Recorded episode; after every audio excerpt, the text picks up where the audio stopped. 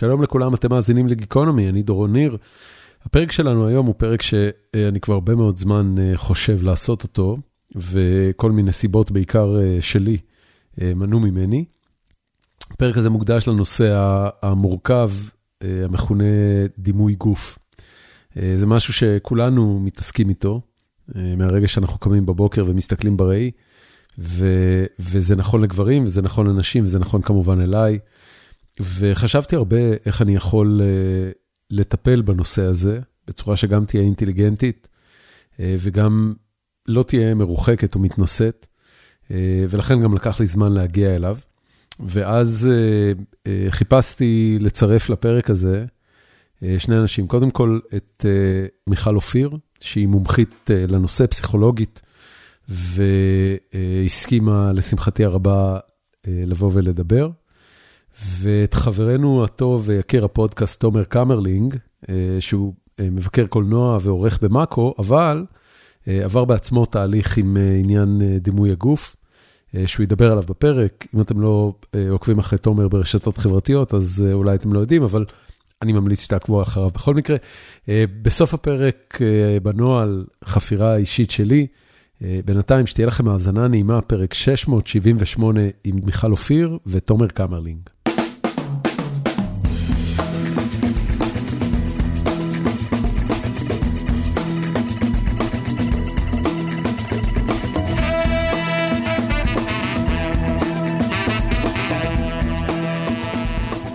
מה עושה מרכז דוקטור טל? בעצם יש בו כזה מלא מומחים אה, בתחום בריאות הנפש, אה, פסיכולוגים, פסיכיאטרים, עובדים סוציאליים קליניים, אה, וזה מהווה כזה מסגרת טיפול פרטית שמציעה גם טיפולים פרטניים וגם כל מיני טיפולים תומכים כאלה כמו חונכים, פעילות ספורט וקבוצות וכאלו דברים. אוקיי. ואני מנהלת בעצם הפיתוח הקליני שם. מה, מה זה אומר? שאנחנו עושים גם כל מיני פרויקטים לפעמים של כל מיני הרצאות ודברים בארגונים וככה כל מיני דברים בתחום בריאות הנפש שאני מנהלת אותם. אוקיי. Okay. אז אני, אמ, אני אתחיל ואני, אה, ואני אספר לך למה, למה בכלל הטרחתי אותך לפרק הזה. אוקיי. Okay. אמ, חוץ מזה שמאוד עניין אותי לקרוא את, ה, אה, את הפוסטים שלך. אמ, העניין הזה של דימוי גוף, אה, זה משהו שתמיד העסיק אותי. אמ, קודם כל, ברמה האישית, בגלל, אה, אה, אה, שגדלתי, הייתי הילד הכי נמוך בגיל שלי, פחות או יותר עד גיל 17, אז הדבר הזה מראש ישב עליי, ו, וגם הייתי אשכנזי לבנבן, ולגדול בישראל אשכנזי לבנבן, אז אתה מראש בא עם רגשי נחיתות לחוף הים, ואז מתחילים עניינים של לא להוריד חולצה, כן להוריד חולצה. וזה תמיד היה, זה תמיד, עד היום, זה עניין, זה, זה ממש עניין אצלי. ויש איזה פודקאסטר שאני מאוד אוהב להאזין לו בשם מרק מרון, אמריקאי, ש... שהוא התחיל באיזושהי נקודה אה, לדבר על עצמו בתור מישהו שיש לו אה, דיספוריה, הוא קורא לזה body dysphoria, דיסמורפיה, סליחה. נכון. body dysmorphia. ולא כן. הכרתי את הביטוי הזה, והתחלתי לקרוא על זה, ואמרתי, אוקיי, כאילו, מה הסיפור שלו? הרי הוא בחור, הוא רזה, הוא נראה סבבה, הוא, הוא כריזמטי, הוא מופיע על במה, סטנדאפיסט, ממלא אולמות, פודקאסטר, מצליח בטירוף, מה, מה העניין? אבל הוא, הוא טוען על עצמו שהוא סובל מזה, ו, וככל שהעמקתי יותר אה, לתוך העניין הזה, אז, אז הבנתי כמה הדבר הזה הוא נפוץ וכמה אנשים מתעסקים בזה, גם אם הם לא כותבים על זה בסרקזם בטוויטר או משתפים על זה ב...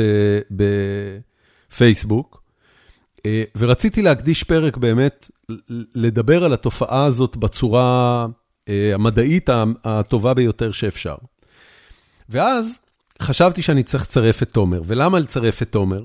כי תומר, לדעתי עבר תהליך עם העניין הזה אה, בעצמו, ולפני שלוש שנים תומר עשה משהו שבעיניי היה אמיץ על גבול המטורף, ופרסם תמונה שלו בלי חולצה, עם קוביות בבטן בפייסבוק, אה, וכתב פוסט מאוד מרגש על איך הוא הגיע למקום הזה, שהוא גם מפרסם את התמונה, ו, ולדעתי, תומר, תקן אותי אם אני טועה, אה, זה גם היה עניין, התמונה הזאת, זאת אומרת, עשית על זה אחרי זה אייטמים בטלוויזיה, הגעת עם זה כאילו ל... It was a big deal. כן, אני כתבתי uh, טקסט במאקו, שם אני עובד, כתבתי טקסט על ה... על ה... אני, זה מוזר לקרוא לזה התמודדות מבחינתי, אבל כי זה כל כך מגדיר שזה, זאת לא בדיוק המילה הנכונה בעיניי, אבל כן, כתבתי על העניין שלי עם זה שנמשך, אתה אומר שאצלך זה מאז שאתה זוכר את עצמך, אצלי זה חד משמעית, ליטרלי מאז שאני זוכר את עצמי, זאת אומרת זה דברים שהולכים אחורה אשכרה עד לגן. Uh, עכשיו, uh, אני לא יודע uh, אם הייתי יושב על הספה, אם יש ספה אצל מיכל, אם היא הייתה מסכימה עם ההגדרה של דיסמורפיה, אבל מאז שאני יודע מה זה דיסמורפיה, אני די ברור לי שזה מגדיר אותי. שזה, ואני... שזה בעצם התחושה שאתה מסתכל במראה, ואתה לא אוהב את מה שאתה רואה, אתה ממש מרגיש שאתה צריך להסיט מבט? אמ, היום זה הגיע למצב, אה, וזה מצחיק שזה הגיע למצב הזה בגיל 48, אה, אה, כי יש לזה גם חיי מדף מוגבלים ולך תדע, אבל זה בפירוש היה המצב במשך 40 ומשהו שנים, והרגע שבו זה השתנה הפך להיות משהו שאפשר לסבול אותו, הוא גם הרגע שבו זה הפך להיות כאילו ספרטניות מוחלטת, זה בקורונה. זה קרה להרבה אנשים אגב בקורונה, כן, מעניין, קרה להרבה צעירים בקורונה. אה, העניין הזה שענייני דימוי גוף לגמרי יצאו משליטה, אצלי זה דווקא נכנס לשליטה, אה, והגיע למקום שכשפרסמתי את הטקסט במאקו על הדבר הזה ופרסמתי את התמונות שאתה מדבר עליהן, אה, זה היה לא רק בגלל שאמרתי אני נורא רוצה לכתוב ואני נורא רוצה לדבר, אלא גם בגלל שהגעתי פעם ראשונה למצב שאני מסוגל אשכרה להראות תמונה כזאת למישהו. כן. אמ, שזה לופול משוגע, אה, אגב, אה, אמרו לי אז אנשים, לצד אמיץ וכל מיני, אמרו לי אז אנשים יופי, אתה עושה עכשיו בדיוק את סוג התרגור שאתה כותב עליו שהוא כל כך מזיק. זאת אומרת, אתה זה... הצלחת, אתה הגעת לקוביות בבטן, אתה עכשיו מפרסם את התמונה שהיא סוג של תמונת ניצחון, וזין על כולם. בדיוק, ומאז, וקודם כל אמרתי, וואלה, fuck, זה נכון. כן, זה לגמרי. תקשיב, לי זה עשה את זה, אמרתי, מה? מה? הוא עם... מה? כן, זה בעיה רצינית. אגב, קיבלתי בראש, לא רק אני, גם שאול אמסטרדמסקי, שפרסם טקסט בנושא, שנינו חטפנו על הסוכר, על הגמילה שלו מסוכר. על דברים שבאו בעיקר, על דימוי גוף. כן. קשור לזה, ושנינו חטפנו מחיים לוינסון, אה, אבל גם חיים לוינסון יש לו את העניינים שלו, היה עושה פוסטים על השחייה שלו וכל זה, כאילו הוא גם מתעסק בזה. אנחנו חטפנו על זה שאיך אתם מעזים לדבר על בעיית דימוי גוף כשאתם לא שמנים או לא זה. קיצור זה נורא נורא נורא מורכב כן. ומטרגר ו- ובאמת ואני שמח שיש איתנו אשת מקצוע כי לדעתי זה עניין של מקצוע אני אני אתה יודע אני צוחק וזה אבל זה באמת lifelong אה, התמודדות לא. טוב, אז, אז נתחיל. מיכל, קודם כל, איך בכלל הגעת לעסוק בזה? אז הגעתי לעסוק בזה בזמן שהייתי בהתמחות, בעצם התפנה, הייתי בשלוותה, והתפנה כזה מקום במרפאה להפרעות אכילה, וכזה זה היה נשמע לי שזה נושא נורא מעניין, אתם יודעים, אתם מדברים עכשיו על, על גברים וההתמודדות שלהם, זו הייתה המרפאה שהיה לי בה מטופל גבר אחד והמון המון מטופלות אה, נערות בעיקר, כן. אה, נערות ככה בגיל ההתבגרות, שבעצם אז כזה, אתם יודעים, החלוקה הייתה שהן סובלות או מאנורקסיה או מבולימיה. ואני חושבת שאתם יודעים, בכל השנים בוא, בואי, בואי רק, uh, זה... זה כאילו טריוויאלי, אבל רק לעשות את ההבחנה, מה, מה ההבדל בין אנורקסיה לבולימיה? אז בעצם אנורקסיה זה בנות שמאוד מגבילות את עצמן באכילה שלהן, וצורכות פחות מדי קלוריות עד שהן מגיעות ל-BMI שזה מדד של מסת גוף שהוא נמוך מדי אה, ובעצם לדבר הזה זה משהו שיכול לסכן חיים, אפשר למות ממנו, יש כל מיני מפורסמות גם שמתו בעצם מאנורקסיה. אה, זה, אה, זה מצחיק שאת אומרת את זה, אנחנו בדיוק השבוע חוגגים, אם אני לא טועה, 40 שנה למותה של קרן קרפנטר. קרן, נכון. שהיא אחת המפורסמות שמתו מאנורקסיה. לגמרי. והצד השני של הדבר הזה זה בעצם בולימיה, זה אנשים שיש להם מדי פעם אה, ככה פרצי אכילה אה, יותר גדולים ובעצם הם צורכים כמות מאוד מאוד גדולה של אה, קלוריות שהרבה פעמים זה בא גם עם דברים שבעצם אחר כך לתיאור או הקאות או שימוש במשלשלים או ספורט או צומות או בעצם רק התקפי אכילה. עכשיו זה בעצם שני הדברים האלה הם שני צדדים של אותו מטבע ככה תומר רציתי להגיד גם לך מקודם שאמרת שבזמן הקורונה הרבה אנשים בעצם איבדו שליטה על אוכל ואתה דווקא צברת שליטה על אוכל.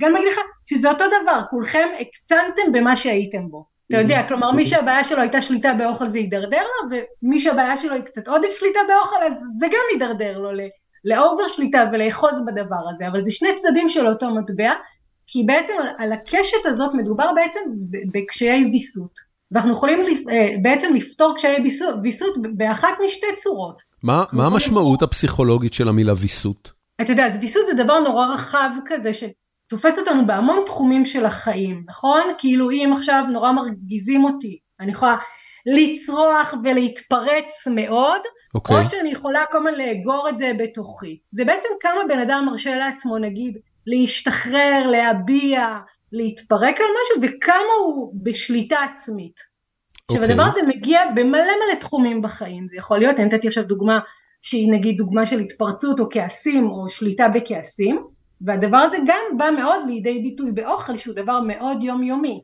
אוקיי, okay. זאת אומרת, כשאת אומרת ויסות, את בעצם אומרת אה, ויסות כמות המזון או הקלוריות שאנחנו נכנסים, מכניסים לגוף? שזה נגיד הקונקרטי של הדבר הזה, נכון, אבל כמה אני בשליטה מול אוכל, כמה אני רואה אוכל ואני רק מתנפל ואוכל ולא יכול לעצור את עצמי, או כמה אני מאוד מאוד עוצר את עצמי.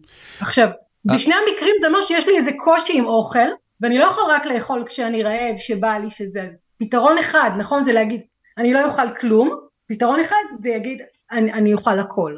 אוקיי. Okay. אני, אני רוצה להתחיל ולשאול, את יודעת, כי um, אחד הדברים שבמה אה, שקשור להפרעות אכילה, uh, אחד הדברים ש, uh, ש, שאתה שומע נאמרים, זה שאין הפרעות אכילה בטבע. אין, אין זברה עם הפרעות אכילה, אין היפופוטם עם הפרעות אכילה. כי בטבע בעלי חיים באופן כללי חיים בסיטואציה של מחסור, אה, או של בקרה, אם הם, אם הם בשבי, אז בקרה מאוד גדולה של מזון.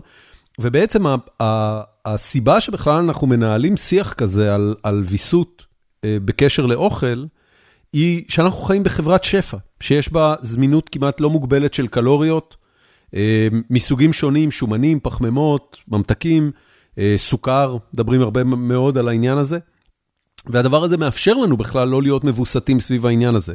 אז האם הדבר הזה הוא נכון? האם באמת בטבע אין הפרעות אכילה כי אין מספיק אוכל בשביל הפרעות? אז אני אגיד לך, אני חושבת שלתשובה הזאת, אני חושבת שאפשר לענות עליה בשתי רמות. אני חושבת שאין בטבע הפרעות אכילה, כי תמיד כשאם נהיה במחסור ורק נצטרך לעבוד בזה, הם גם יכולים לחשוב מבחינה אבולוציונית, שהאדם הקדמון, נכון, היה צד את האוכל שלו, מתאמץ עבורו, עושה, אז לא היה לו זמן להתעסק ב... נכון, הוא היה אוכל את כמה שהוא היה צריך, או כמה שהיה עכשיו זמין, ואז היה צריך להתעסק בלצוד את האוכל הבא שלו, וככה זה גם חיות. אה, ומצד שני כפסיכולוגית אני כל הזמן מתעסק, מסתכלת על זה גם ברמה הקונקרטית של היחסים שלנו מול האוכל, אבל גם ברמה הרגשית העמוקה יותר, כלומר מה הדבר הזה בא להביע. אז לבעלי חיים בא לי להגיד לך אין הפרעות אכילה גם כי בעצם אוכל הוא לא כל הזמן זמין להם והם צריכים לצוד אותו ואז הם עסוקים באיך הם ישיגו אותו והוא לא רק יושב מולם בשפע אבל גם כי אין להם את כל המבנה הפסיכולוגי והרגשי שיש לנו בני האדם. אני חושב שיש לזה עוד, עוד היבט, אה, אה, בוודאי כשמדובר בגברים באיזשהו משטר אה, של כושר וכולי. כל העניין הזה של הגשמה עצמית, כל העניין הזה של דימוי עצמי, של איך אני רוצה להיות, כל הדבר הזה, זה המצאה די חדשה. כאילו פעם היית אומר תודה אם אתה שורד. זאת אומרת, הדבר הזה נכון. הוא, הוא תולדה של חברת שפע גם במובן הזה ש... יש לנו בכלל את הזמן ואת המשאבים להשוות את עצמנו לאחרים, לעבוד בלהיות, למי היה מעלה בדעתו לפני 150 שנה ללכת לחדר כושר? זאת אומרת, זה פשוט נכון, לא, ש... אתה היית... שבעצם מה שאתה אומר, זה, זה בעצם ההיבטים הרגשיים האלו שעליהם אני מדברת, שחלק מהם זה באמת, אה, נכון, אה, דימוי עצמי וביטחון עצמי וכל מיני דברים שזה יושב עליהם. העניין הזה, את יודעת, אם... אם... אם אני רגע הולך עם אה, עם מה שאת אומרת, אז האם המשמעות היא שאחת הדרכים אה, האפקטיביות למנוע אה, הפרעות אכילה ובעיות דימוי גוף וכל זה, זה, אני אגיד את זה בצורה מאוד פשוטה, ש, שזה לא יהיה זמין. זאת אומרת, אם, אם לילדים שלי, למשל, אין ממתקים בבית, אז הם לא מתאבססים על ממתקים, הם לא מנהלים את המלחמה מול הממתק. הממתק לא מונח על המדף ורק קורץ להם וקורא להם, והמוח הפרימיטיבי לא מאותת, תביא עוד סוכר, תביא עוד סוכר, הנה יש סוכר על המדף, לך תביא סוכר. האם, האם יש עניין של פשוט לא להכניס את זה הביתה? אני אגיד לך, בלא להכניס את זה הביתה אנחנו עדיין עושים איזה משהו, הילדים שלנו היום מאוד מאוד חשופים לכל הרשתות החברתיות, לכל מה שקורה מסביב, הם לפעמים באים לחברים הביתה, הם רואים, כל הזמן קופצות להם פרסומות ודברים, ורק אתה פותח את הטלוויזיה והכל פרסומות על אוכל, ואז הם רואים בעצם את הדבר הזה, ואחרי כמה זמן אולי תעלה התהייה, למה אין לי את זה בבית? אתה יודע, ממתקים, לילד ממתקים זה כיף, זה fun, זה נחמד, למה אין לי את זה בבית? ואז יכול להיות שדווקא תהיה, אתה יודע, בגלל שזה אה, רחוק ולא מושג, אולי דווקא אז הם כן ירצו את זה. אז, אז את אומרת, זה יכול לייצר, זה, אוקיי, יש מחקרים על זה? זאת אומרת, זה, זה, זה באמת אה, באופן אה, סטטיסטי מובהק מייצר את האפקט ההפוך, או שזה אה, תלוי, כאילו, מה, what does science say? זה המון פעמים תלוי איך נעשה את זה. אתה okay. מבין? אוקיי. לא רק מה נעשה, אלא איך נעשה את זה. אם נגיד, ממתקים זה דבר אסור, נוראי, ולכן לא יהיה לנו אותו בבית, כי סוכר זה השטן, כנראה זה יעשה נזק. אם נהיה באיזה מקום יותר שלם עם עצמנו, יותר ביחסים טובים, ואז נוציא את זה, אז אולי זה יהיה אחרת. אני כן יכולה להגיד לך שמה שמחקרים מאוד מראים, שיש המון העברה בין דורית בנושא של הפרעות אכילה ודימוי גוף. מה זה אומר? ואני חושבת שבעצם הורים שסובלים... אני יכול להאשים את ההורים שלי בהכל? לגמרי, ויש להם קשיים בדימוי גוף. משהו בזה מאוד מאוד עובר לדור הבא, והרבה פעמים דרך היחס, אני מאוד מאוד רואה את זה בקליניקה, וזה אחת מהשאלות שאני תמיד שואלת, זה איך היה יחס לאוכל בבית. אוקיי, מה, מה זה אומר? כמה אוכל היה ואיך היה היחס, והמון פעמים אנחנו רואים שהיחס היה, של ההורים היה מאוד מאוד קשה עם אוכל, שיש הערות נורא פוגעניות, או לילד עצמו, או אפילו ההורים על הגוף שלהם, או אתה יודע שמסתכלים כולם בטלוויזיה ומדברים איך זאת השמינה ואיך זה נראה ואיך זה זה, זה דברים שילדים מאוד מאוד צורבים לעצמם. עכשיו עוד דבר שאני רוצה להגיד לך, אם, אם דיברנו על זה שזה, אתה יודע, אני חושבת שהגול שלנו כהורים הוא לא שלא יהיה את זה לילדים שלנו ואז בגלל זה הם לא יהיו במגע עם הדבר הזה. זה, זה כאילו, זה הפתרון לא אידיאלי. אם אנחנו מדברים על זה שזה הפרעה בוויסות, אנחנו רוצים שילדים שלנו ידעו לווסת את עצמם. זה כאילו הפתרון שמבחינתנו כהורים הוא יהיה הישג. שהם גם יוכלו להימצא בקרבה של ממתקים, של אוכל אולי פחות uh, בריא וטוב, ויוכלו לאכול במידה, כאילו אתה יודע, במידה שמספיקה להם. לא לאכול את כל החבילת שוקולד. איך מלמדים, איך מלמדים ילדים לווסת את עצמם, או איך מגדלים ילדים מבוסתים? אז א', מזה שאנחנו מנסים לתת להם דוגמה קצת מבוסתת. המון פעמים אנחנו כהורים, הרבה יותר קל לנו לדבר על נושא מאשר לתת דוגמה, אבל איזה קטע זה שילדים הרבה יותר לומדים דרך הדוגמה האישית שאנחנו מעמידים להם, מאשר סתם שאנחנו מרצים להם. נכון? ובגלל זה הורים שיבואו לילדים שלהם יגידו, אנחנו לא צועקים כאן בבית. המסר שעובר לילד הוא צועקים פה בבית. אוקיי. Okay. עכשיו, אם אנחנו נראה לילדים שלנו שיש לנו יחסים בסך הכל טובים עם אוכל, שאוכל הוא לא אויב, ולא נגיד אוי אוי אוי תזיזו ממני את השוקולד הזה, או רק אל תיתנו לי את הדבר הזה, והם יראו אותנו יושבים ואוכלים ונהנים, וגם יודעים להפסיק כש, כשאנחנו לא רוצים יותר. אתם יודעים, מצד אחד לא להעיר לילד אם הוא אוכל יותר מדי, כי יש משהו בזה נורא חודרני ומאוד פוגע, ומצד שני גם לא, אתם יודעים, קצת אולי בתקופות שאנחנו גדלנו, חייבים לגמור מהצלחת, חייבים לאכול הכל, צריך זה, ללמד ילד קצת להקשיב לגוף שלו. את, גד... את גדלת שבסוף... בבית שצריך לגמור מהצלחת? אני לא גדלתי בבית שהיה צריך לגמור מהצלחת. אז זה, לא. רגע, אני, אני ברשותך רוצה אה, לקחת את זה רגע למקום האישי שלך. אה, אוקיי. יש לי אה, פסיכולוגית במשפחה, ו, וכל הפסיכולוגים שפגשתי בחיים שלי, כן. תמיד היה סיפור למה הם נהיו פסיכולוגים. בטח כשהם מתעסקים בתחום אה, ספציפי. אז אני מאוד אשמח לשמוע קצת איך את הגעת להתעסק בזה, ומה הזווית האישית שלך עם העניין הזה. וואו, אתה יודע, זה כאילו בלספר את זה לך פה, זה לספר את זה לכל מטופליי העכשוויים, קצת מטופלי העבר שלי ומטופלי העתיד שלי. זה לא דבר רע. זה... זה, זה לא דבר רע? בפסיכולוגיה חשוב שהפסיכולוג יהיה דמות אה, אה, מונוליטית ומסתורית? אני אגיד לך מה, אני חושבת שבתפיסות מאוד אה, מסורתיות ותפיסות של העבר אז כן. אני היום נמצאת במקום קצת אחר. אבל אני חושבת שאתה יודע יותר מדי פרטים על הפסיכולוג שלך ונורא ברור לך בדיוק מה הוא עבר ומה הוא זה, אז אתה קצת פחות נמצא עם החוויה שלך בתוך החדר רק.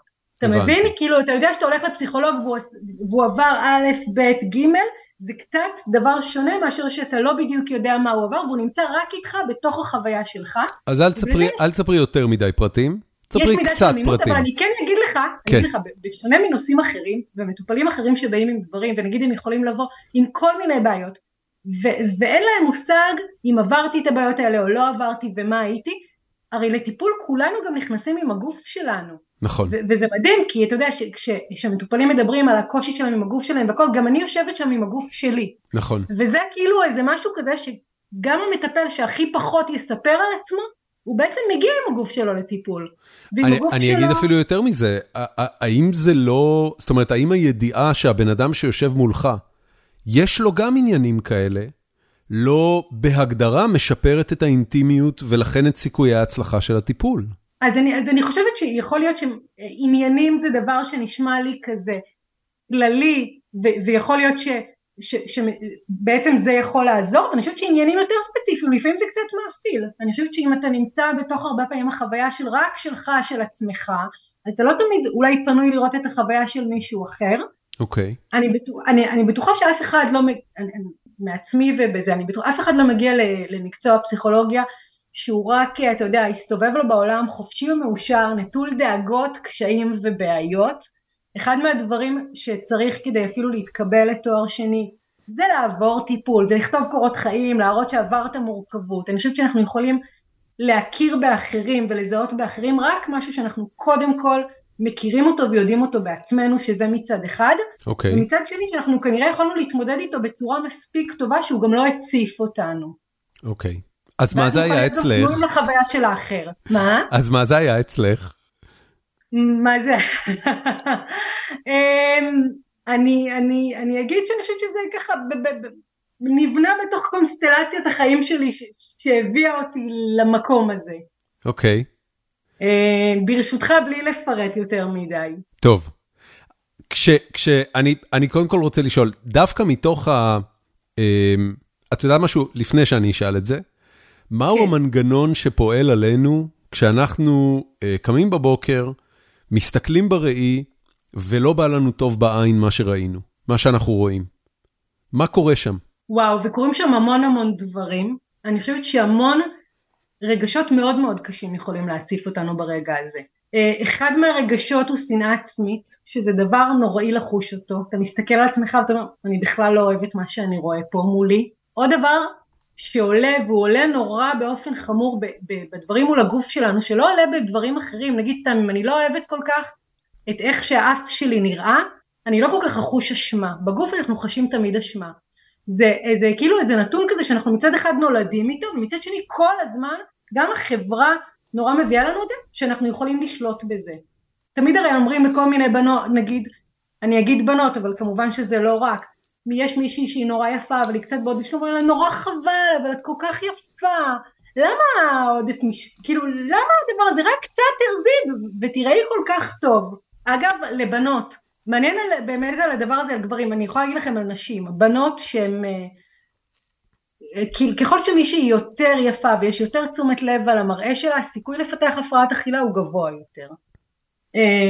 אז זה גם, קמים בבוקר וזה, זה בעצם מעורר המון המון אשמה. היא רגש שמאוד מאוד עולה, כי לכאורה זה, הדבר הזה הוא בשליטתנו, ואני אומרת לכאורה, כי הרי כל אחד מאיתנו נולד בנתונים גנטיים אחרים ובנטיות אחרות, אתם יודעים אפילו יש כאלה שיש להם נטייה שהם יותר אוכלים פחמימות ויש כאלה שנמשכים יותר לירקות, זה גם דברים שהרבה פעמים מוחלטים גם גנטית, זה לא סתם, יש משיכות כאלה. כן. וכל אחד נולד עם מבנה גוף אחר. אבל כשאנחנו נקום בבוקר ולא נאהב את איך שאנחנו נראה מבחינת משקל, נחוש מלא מלא אשמה. אני, אני, אני אשאל שוב על אנלוגיה לבעלי חיים. אוקיי. יש חיה שקמה בבוקר ואם היא תסתכל על עצמה במראה היא לא תאהב את מה שהיא רואה? זאת אומרת, יש בכלל קונספט כזה? אני לא חושבת. ממש לא, אתה יודע, אני... זאת אומרת, זה, זה שיט שאנחנו פיתחנו עם עצמנו. לגמרי, אוקיי. לגמרי. מה, מה, למיטב ידיעתך, מה האזכור הראשון, אה, לא יודע מה, בהיסטוריה, בטקסטים, במה שמכונה הפרעות דימוי גוף היום? וואו, אני לא יודעת להגיד לך, אבל כבר בתנ"ך כל הזמן נכון מציינים יפת מראה, יפת מראה. כאילו, אבל זה, אבל זה, אבל זה תיאור חיצוני, זאת אומרת זה... נכון, אבל כאילו כבר היה חשוב להיראות טוב. אוקיי. נכון? גם סתם שמשון הגיבור, אנחנו מתארים את השרירים שלו, את הדברים שלו, כאילו, הבנתי. את אומרת, ברגע שבתרבות אנחנו מתחילים לציין שמישהו נראה טוב, אז מן ההן נגזר עליו, ומיד אנחנו אומרים, אוקיי, אחרים הם לא. זאת אומרת, אלה לא, פחות סבבה. נכון, ואז אם אתה בן אדם הישגי, שרוצה להיות זה, אתה אומר, גם אני רוצה להיות בחבורה הזאת. נכון? שלה נראים טוב, שהגוף שלהם יפה, שהם רזים. אוקיי. אוקיי, זאת אומרת, זה פשוט אה, אה, אה, אה, תרבותית, אה, אחד הסולמות שעליהם אנשים מודדים את עצמם. מאוד. אוקיי. שיש לו המון נגזרות בתוך עולם הרשתות החברתיות והדברים. אז תכף נדבר, כן. אני רק רציתי, לגבי עניין האשמה שהוא כמעט מובן מאליו, אבל הוא, הפרקטיקה שלו היא, היא מורכבת, אה, כן, זאת אומרת, העניין של זה אשמתי והולך יד ביד אם אני יכול לעשות משהו בקשר לזה.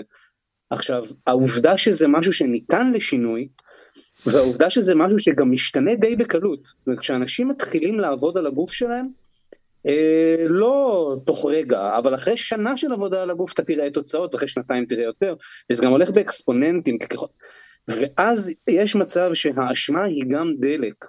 ואני לא יודע אם הדבר הזה קיים, אני, אני, לא, אני לא מגדיר את עצמי כאדם שסובל מהפרעת אכילה, אני סובל ממשהו אחר, אבל בעיית דימוי גוף שלא בהכרח בא עם, עם הפרעת אכילה. העובדה אבל שהאשמה הופכת להיות הדלק, גם הדלק וגם המנגנון של הענישה העצמית, זה בעיניי תמיד היה הסיבוך הגדול, הכי גדול של כל הסיפור הזה, כי גם ככל שאתה מגיע ליותר מה שנקרא gains, כן, ככל שיש לך יותר הישגים עם הגוף שלך, ככה גם אתה, אה, אה, שוב, זה רק, זה איזון חוזר, זה מתדלק עוד יותר, ותגובות חיוביות של אנשים מתדלקות עוד יותר, והאשמה גדלה יותר אם אתה לא עומד באיזה שהם סטנדרטים שכבר כאילו הנחלת לעצמך. ואני חושב שהלופ הזה הוא הסיפור האמיתי, לפחות במקרה שלי אני יודע שזה דבר שבעצם מאז שקיים, הוא נמצא בהחמרה איטית, מתמדת, פשוט הגרף הוא תמיד בעלייה. קלה, קלה, קלה. אני, רגע, אני רגע רוצה אה, אמרת פה הרבה דברים ואני רוצה רגע לפרק אותם כי זה נורא מעניין בעיניי. אמרת פעם אחת, כל הזמן אה, יש לך עניין עם איך שאתה נראה. אה, והתחושה הזאת של לקום בבוקר או, או לעבור במהלך היום מול מראה, להסתכל, לא לאהוב את מה שאתה רואה, להרגיש אשם, לא להרגיש אשם, כן אכלתי, לא אכלתי, זאת אומרת, יש כל מיני לופים של מחשבות שרצות כנגזרת מזה. ואז אתה אומר, בנקודה מסוימת בחיים שלך, שציינת אותה בתור קורונה, אה, לקחת את הדבר הזה והצלחת לעשות לו סוויץ' כדלק, כמשהו שמניע אותך לפעולה מאוד מאוד ספציפית של פעילות גופנית, מניעת אוכל, כל הדברים שהפכו אותך לרזה וחטוב, ופתאום ניצחונות, ועכשיו הדבר הזה הוא כבר מנוע חיובי, הוא כבר לא מנוע שלילי. לא, לא, אני קודם כל חד, חד וחלק הוא מנוע שלילי. אוקיי. Okay. אה, אני לא, זאת אומרת, זה, זה אגב התמונות המתרגרות וכולי. ו, וגם הלוואי שזה העניין של מאז הקורונה. לא, מה שקרה בקורונה, זה שמה שליווה אותי כל חיי הפך להיות פשוט הרבה הרבה יותר אינטנסיבי, זה גם שינוי תזונתי מאוד גדול, זאת אומרת תמיד, או כמעט תמיד, כל חיי הבוגרים התאמנתי מאוד ברצינות. אה, מאז הקורונה נלווה לזה גם שינוי תזונתי של אוקיי, מה צריך לעשות כדי שהדבר הזה יהיה עד הסוף, אז זה היה לוותר באופן כמעט גורף על פחמימות, בטח על גלוטן, מאוד קיצוני בקטע הזה, אבל לא, זה כל החיים. Okay. ואני חושב, זאת אומרת, עכשיו שוב, לא לטעות, אני, אני מבסוט מהתוצאות ואני גם לא חי חיים לא בריאים.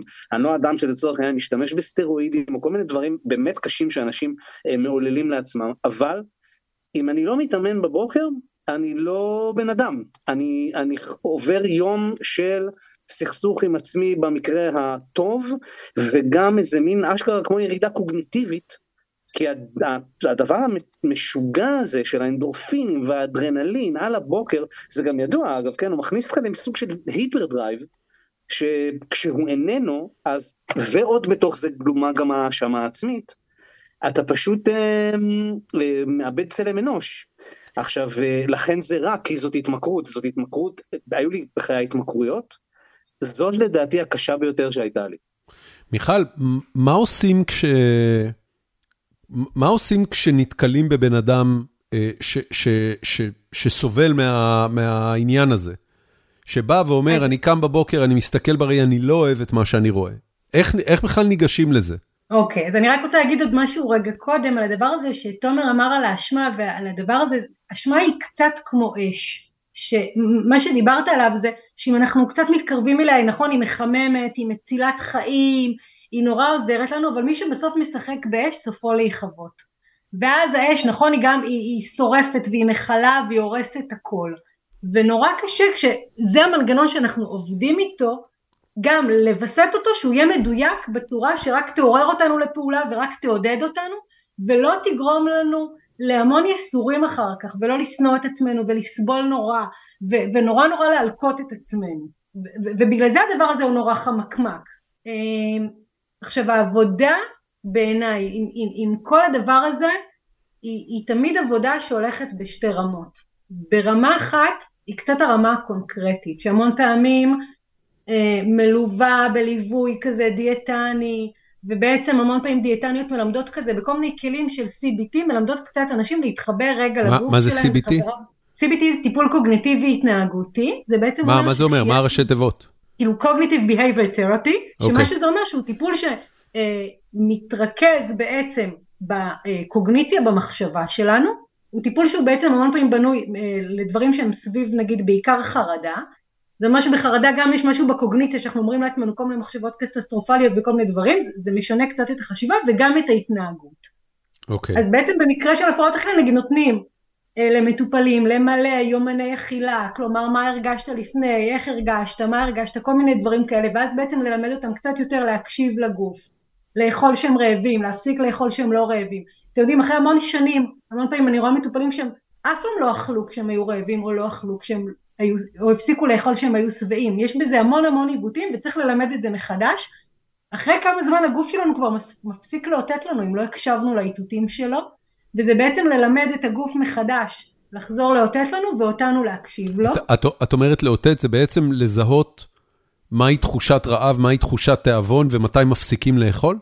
ומהי תחושת שובע, כן. אתה יודע, אוקיי. המון אנשים לא מכירים את התחושות הלכאורה הבסיסיות האלו. אה, זה איך, בכלל, איך בכלל ניגשים לזה? איך, אה, איך מלמדים בן אדם ש, שכל מה שהוא יודע זה כבר יש לו הרגל של שלוש ארוחות ביום, והארוחות הן תמיד צלחת מלאה שצריך לרוקן, איך מלמדים אותו לחוש שובע בצורה שהיא תהיה משמעותית?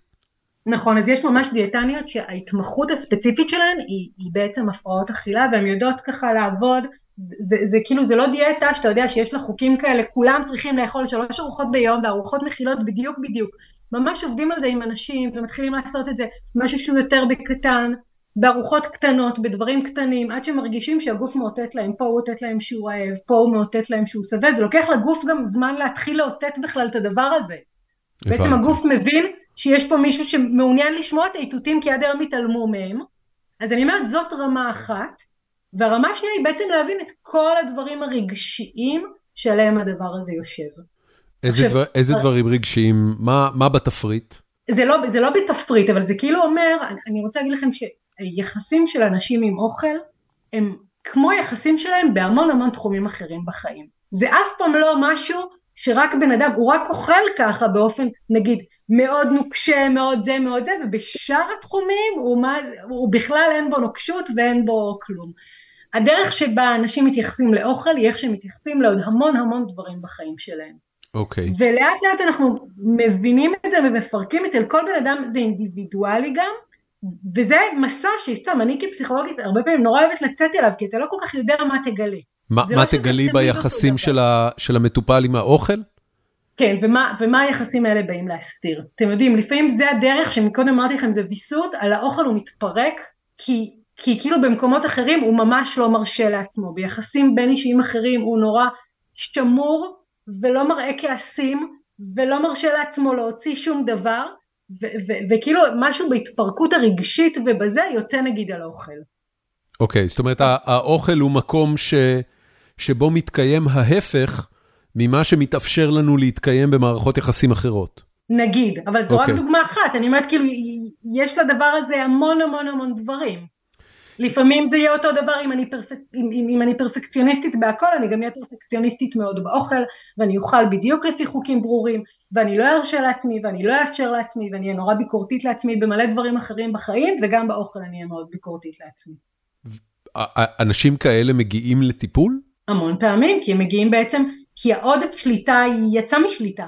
הבנתי. כי בסוף, אחרי כמה זמן, אתה יודע, כאילו, יש את המשפט, מחר מתחילים בדיאטה, נכון? אבל כבר יש אנשים שהדיאטה היא כל כך אורח החיים שלהם, שהם כבר לא מסוגלים לאכול, ולאט לאט הדבר הזה עשה את הבעיות שלו. זאת אומרת, אנשים, אנשים מגיעים אלייך גם עם, אה, מבחינה, מבחינה אה, אה, ויזואלית ופיזיולוגית, הם נראים תקינים לגמרי, אבל, אבל משהו, משהו הם מרגישים לא עובד טוב? נכון, אני חושבת שיש משהו בדימוי גוף, בהפרעות אכילה, בכל הדבר הזה, שהוא לא תלוי משקל. כלומר, אנשים יכולים להיות במשקל תקין, אבל שהרגילים שלהם עם אוכל יהיו מאוד מאוד לא תקינים, ולעומת זאת יש אנשים, אתם יודעים, שהם גם בעודף משקל, והם בסך הכל ביחסים תקינים עם אוכל, אז זה נטייה גנטית כזאת, זה, זה גם לא, אם מישהו בעודף משקל זה לא אומר שיש לו הפרעת אכילה, אם מישהו במשקל תקין זה לא אומר שהכל תקין אצלו. אגב, הדבר המדהים שאני נתקלתי בו כשכתבתי על זה, לא, לא התעסקתי בזה לפני, אבל כשבדקתי את הנושא, אני לא יודע אם יש מחקרים בישראל, אבל המחקרים שאני נתקלתי בהם בארצות הברית ובאנגליה, הראו שלא להיות מרוצה מהגוף שלך, זו תופעה שהיא אה, אה, אה, דומה מאוד באחוזים גברים ונשים, אין כמעט שום הבדל.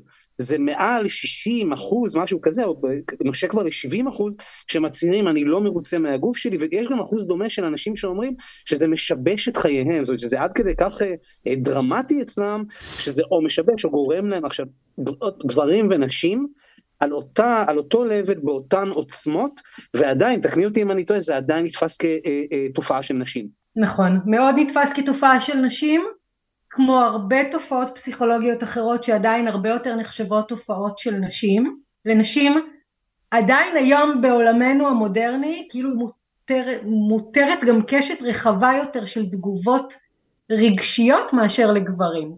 Mm. נשים זה, מותר להם יותר להיות עצובות, חרדות, מדוכאות, לחוצות, מיואשות, לגברים הרגש השלילי כמעט היחיד שהוא מקובל ואפשרי והם זה, זה זה שהם יכעסו, הם כועסים.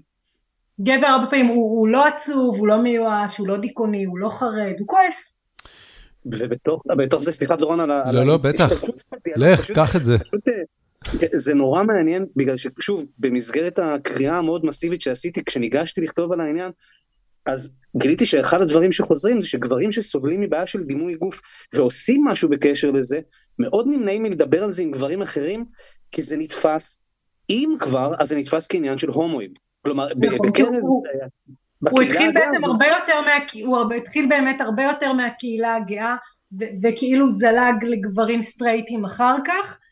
זה נושא שהוא מאוד מושתק, אני חייבת להגיד לכם, גם אצל נשים, אבל אבל גם אצל, אבל, ועוד יותר אצל גברים, אני חושבת שיש לנו ציפיות בחברה ששמים לנו ציפיות שהן ציפיות קצת בלתי אפשריות, שמצד אחד אומרים לנו תאכלו ויש עולם של שפע ואם כל אחד מאיתנו יפתח עכשיו נכון את האינסטגרם שלו, טיק טוק או משהו כזה, הוא יראה מצד אחד מיליון מתכונים ופרסומות לאוכל ודברים וזה וזה, ומצד שני אנשים נורא חטובים. וכאילו החברה כל הזמן שמה לנו את שני הדברים האלה ואנחנו, ואנחנו מתבקשים לבחור ביניהם, כאילו אתה צריך להיות רזה שאוכל הכל כזה. ובעוד שאצל נשים אה, החברה, ל-cross the board, החברה הפנימה את הנזק שנעשה לנשים בגלל מודלים לא בריאים זה, זה עוד בשנות התשעים, אני זוכר היטב את, את ההרואין שיק, היה הפעם הראשונה שדיברו באמת ברצינות על הנזק שזה עושה, על המודלים ה, ה, הלא בריאים. אצל גברים המודל הלא בריא עדיין קיים, הוא עדיין, לצורך העניין עדיין קיימת החפצה אה, של גופות גברים, למשל בקולנוע ההוליוודי, מה שעם נשים לא נעשה יותר בכלל. אה, ומפה לשם, הקראת איזה נושא מושתק, זאת הסיבה, מבחינתי הסיבה העיקרית שכתבתי על הדבר הזה, ושאני מדבר פה עכשיו גם. זה שיש כל כך, פנו אליי באופן אישי, אני לא אגזים, מאות גברים, מאות גברים פנו אליי, ומי אני בכלל, כן, אני לא מבין בזה כלום, אני רק יודע מה אני חווה. מאות גברים פנו אליי, או תפסו אותי באופן פרטי, אה, רשתות חברתיות, שהם סובלים בדיוק מאותו הדבר, אין להם מי לדבר על זה, הם גם לא מבינים את עצמם במובן הזה, די מדהים. אני, אני... ממש מדהים. אני רוצה להגיד אולי עוד משפט שבעוד שיש נושאים שאנחנו יכולים חלקנו לדבר ולהתחבר וחלקנו לא והכל, לכולנו יש גוף ולכולנו יש יחסים עם הגוף הזה ובסוף כמה מעט מדברים על הדבר הזה. אני, מיכל, אני רוצה רגע, אמ, אני רוצה רגע למפות שני צירים שאני לפחות חווה סביב העניין הזה, ואני בכוונה רגע עוזב רשתות חברתיות, אוקיי? אוקיי. אה, אני חי היום בארצות הברית, בטקסס, שהיא מצד אחד אה, מדינה אדומה, מה שנקרא, אבל עדיין פרוגרסיבית הרבה יותר מישראל.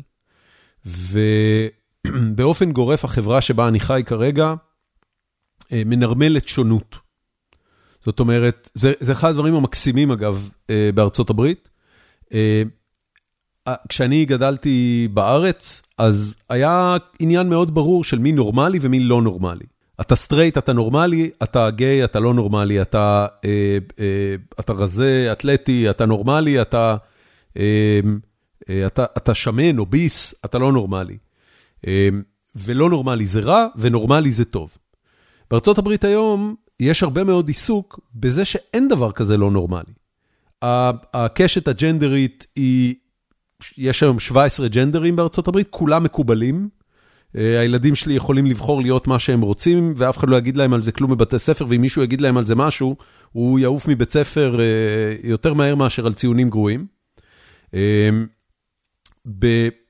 ממש השבוע היה טקס פרסי הגרמי, ליזו, שהיא אישה אוביס, obese, obese, כאילו, ויש לה להקה שלמה של רקדניות, obese. כל ה, כל העיסוק בה הוא עיסוק ב"אני obese" ומרגישה פנטסטי עם עצמי, אני נהדרת כמו שאני. והדבר הזה הוא, הוא בציידגייסט, ככה מדברים. מהצד השני, המדע אומר בצורה מאוד ברורה, סבבה לך שאת obese, אבל זה לא טוב לבריאות שלך. זה מקצר לך את תוחלת החיים, זה מביא פגמים בריאותיים, זאת אומרת, כשאת הולכת לדבר, ואת מדברת עם רופא, אפילו רופא משפחה, במקרה לפני uh, uh, שבועיים עשיתי סט של בדיקות רפואיות uh, דם כזה, וש... אז הרופאה חוזרת אליי ואומרת לי, תקשיב, אתה ככה וככה וככה, אתה, יש לך כולסטרול טיפה גבוה, זה חמישה אחוז מעל הנורמה, אתה צריך לאכול יותר דגנים מלאים. העניין הזה של נורמליזציה של המגוון שהחברה המודרנית מאפשרת לנו, ומצד שני הקריטריון הרפואי המאוד ברור, מה את עושה כשמתיישבת אצלך מישהי שמרגישה חרא עם הגוף שלה והיא במקרה גם מאוד שמנה, את הרי לא יכולה להגיד לה, תקשיבי, את סבבה. או, או שאת כן אומרת לה, את סבבה. איך מתנהלים מול הדבר הזה? אוקיי, אז אני אגיד לך, אני חושבת שאם גם מתיישבת מישהי שאתה אומר שהיא מאוד מאוד בעודף משקל, והיא גם מרגישה רע עם עצמה זה, נכון זה משהו אחד, אתה אומר יש כאילו את ליזו שבאה בתקשורת ואומרת אני בעודף משקל ואני גם ממש סבבה עם זה. כן. עכשיו, בישראל אה, היה את, אה, איך קוראים לה, קרן אה, נטע ברזילי. נטע ברזילי, כן, נכון. שגם היא דימוי גוף מאוד מאוד שמן, עפה על עצמה, כמובן זכתה באירוויזיון, זאת אומרת, לא, לא, לא, חסר, לא חסרות לה סיבות להרגיש טוב עם עצמה, ועדיין המדע, אם היא תלך לרופא משפחה שלה, להגיד לה, כן, את ב-BMI גבוה. נכון. עכשיו אני אגיד לך, אני אף פעם בסוף, בכל שנותיי, והן לא מעטות בתחום הזה, אני לא מכירה מישהו שהוא בעודף משקל ניכר והוא רק בטוב עם הדבר הזה. אני בטוחה שגם החוויה של ליזו היא חוויה בסוף יותר מורכבת. מאוד קשה. אז מה זה, זה, זה, זה פשוט uh, דימוי ציבורי? אני חושבת שזה תגובת נגד לתוך הדבר הזה שיש בחברה. אתם יודעים, בכל זאת המודל, ואני חושבת שגם בארצות הברית, של הרזון הוא שולט, ויש משהו בתוך הדבר הזה שכולם שואפים למבנה גוף מסוים ובתוך הזה ליזו באה והיא באה כאילו במשהו של כמו איזה אפליה מתקנת כזאת שבאמת יש לו מקום והיא אומרת אני לא רק אשנא את הגוף שלי אני לא זה אני לא זה אני גם אוהב את הגוף שלי וטוב לי בתוכו והכל קשה מאוד לחיות בתוך גוף אוביסי קשה לזוז קשה לנוע קשה זה אתם יודעים, כל מיני דברים, אנחנו, אנחנו כאילו, אני בא להגיד, רגע, אז, לא אז את, את אומרת לי בעצם, זה, זה העמדת פנים? זה בלוף? אני אומרת שיש פה גם חלקים שיש בהם העמדת פנים. בסוף זה גם קשה, יכול להיות שיש לה גם חלקים של העצמה, שהיא גם מרוצה מעצמה ואוהבת את עצמה, אבל יש פה גם חלקים שיש בהם העמדת פנים. אולי אני, אני, אני אחדד אפילו ואגיד שאני חושבת שדימוי עצמי ואהבה עצמית והכל, הם המון פעמים אנחנו מתייחסים אליהם כמו תכונה שהיא היא, היא חד ערכית, אבל זה לא, זה כמו אינטליגנציה, בן אדם יכול להיות נורא חכם במשהו אחד, אבל הוא די טיפש בדבר אחר, וכולנו מכירים את הדבר הזה, נכון, של הפרופסור הנורא נורא חכם, שלא מבין דברים הכי בבין אישי, הכי ברורים לכולנו. אז גם בדבר הזה של לאהוב את עצמנו, של דימוי עצמי ושל דימוי גוף, זה, זה תכונה שיש בה המון המון מרכיבים. עכשיו היא כן יכולה לאהוב את עצמה ולאהוב כל מיני חלקים בעצמה, ויש חלקים שזה בטוח קשה לה. ויש חלקים שהיא מסתכלת על בטנה הגדולה והרוטטת ועל הצלוליטיס שיש לה והיא לא רק אוהבת את זה. לפחות זה מניסיוני מכל האנשים שבסוף טיפלתי, ראיתי והייתי, ש- שיש גם חלקים שמאוד מאוד קשה להם עם המימדים הגדולים האלה. כש, כשמתיישב אדם, אה, גבר או אישה, אה, או ביס, אצלך בחדר, כן. מה יותר חשוב, שהוא ירגיש טוב עם עצמו, או שהוא יהיה במשקל, במשקל בריא? אני חושבת ששני הדברים האלה הם לא דברים שהולכים אחד נגד השני, כי בעוד שמקודם דיברנו על המנוע של הרגשות אשם, שלדעתי בסוף הוא מנוע מוגבל, ששורף את עצמך, אני חושבת שאם בן אדם מרגיש טוב עם עצמו, זה יכול, היכולת שלו לעשות שינוי היא הרבה יותר גבוהה. ו- וזה ככה בכל תחום, גם הילדים שלנו, אם הילד שלנו לא יצליח במבחן, אם נבוא ונגיד לו, אתה לא הצלחת במבחן כי אתה או טיפש או עצלן, או לא מתאמץ או לא זה, הסיכוי שפעם הבאה הוא יצליח או יעשה שינוי הוא יותר נמוך. ככל שנחזק מישהו ונגדיל אותו מתוך מקום חזק, הרבה יותר קל לעשות שינוי מאשר מתוך מקום חלש. איך מחזקים ש... בן אדם? שינוי זה דבר נורא נורא קשה. נכון. אנחנו נסתכל על הבן אדם הזה ש, שלא מצליח לעמוד מול המשקל שלו ולאכול ולשלוט בעצמו ולעשות מה שהוא רוצה ונחזק את המקומות שבהם הוא כן מצליח לשים לעצמו יעדים ועומד בהם. ננסה לעזור לו לשים יעדים שהם יעדים יותר קלים לעמוד בהם. המון פעמים אנשים כאלה נופלים לתוך הדבר הזה של שחור או לבן. או שאני אוכל כל מה שאני רואה מולי ואני אוכל רק מה שבא לי, או שאני אצמצם את עצמי לאיזה דיאטת כסח כזאת. לא, לא צריך ליפול לא, לא פה ולא פה. לא צריכים, אנחנו צריכים לעשות שינויים שהם שינויים שנוכל לעמוד בהם, שינויים שנוכל להחזיק אותם לאורך זמן. אנחנו נחזק בן אדם מכל הכוחות שיש לו ונזכיר לו את הכוחות שלו ואתה מבין שיש לו גם בחיים ואת המקומות שהוא כן הצליח להציב לעצמו מטרות ולעמוד בהם. ומתוך המקום הזה שהוא ירגיש עם עצמו יותר בנוח קצת, הוא גם יוכל לעשות שינוי. לפני uh, 20 שנה uh, היה סרט שלפחות למיטב זיכרוני, uh, פעם ראשונה שהתעסק בעניין הזה, קראו לזה Real Women Have Curves. תומר, אני לא יודע אם אתה זוכר, uh, סרט על בחורה uh, היספנית, ו- ובחורות היספניות זה עניין מאוד נוכח בתרבות האמריקאית, יש להם מבנה גוף. נכון. זה לא, בחורה היספנית לעולם לא תהיה... אה, אה, רזה כמו אישה שההורים שלה הגיעו מסקנדינביה פה בארצות הברית, כי זה זה באמת מבנה גוף, זה ממש ביולוגיה. אה, מה את עושה עם העניין הזה כש, כשמגיעות אלייך מטופלות או מטופלים, שמה לעשות, מבנה הגוף שלהם, הם נולדו ככה, הם לא, זה, זה לא, אין שם בעיה.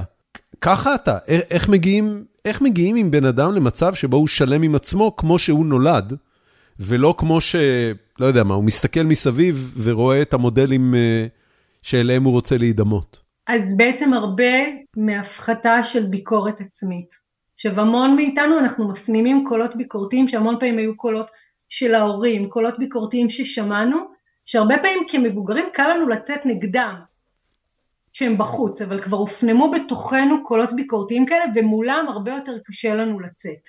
כלומר, אני אכעס על ההורים שלי שאולי אמרו לי פעם איך אכלת, איך עשית, איך זה, אבל אני אגיד דברים הרבה יותר אכזריים לעצמי, אה, וחלק מהדבר הוא גם ללמד קצת אנשים להיות חברים טובים של עצמם. הרבה מאיתנו אנחנו יודעים נורא להיות חברים טובים של אנשים אחרים מסביבנו, ומנסים נורא להיות הורים טובים לילדים שלנו ופחות שיפוטיים, אבל בעצם אנחנו מאוד מאוד משתמשים במנוע הזה של הביקורתיות והשיפוטיות נגד עצמנו, ובטיפול המון פעמים מלמדים לרכך את זה.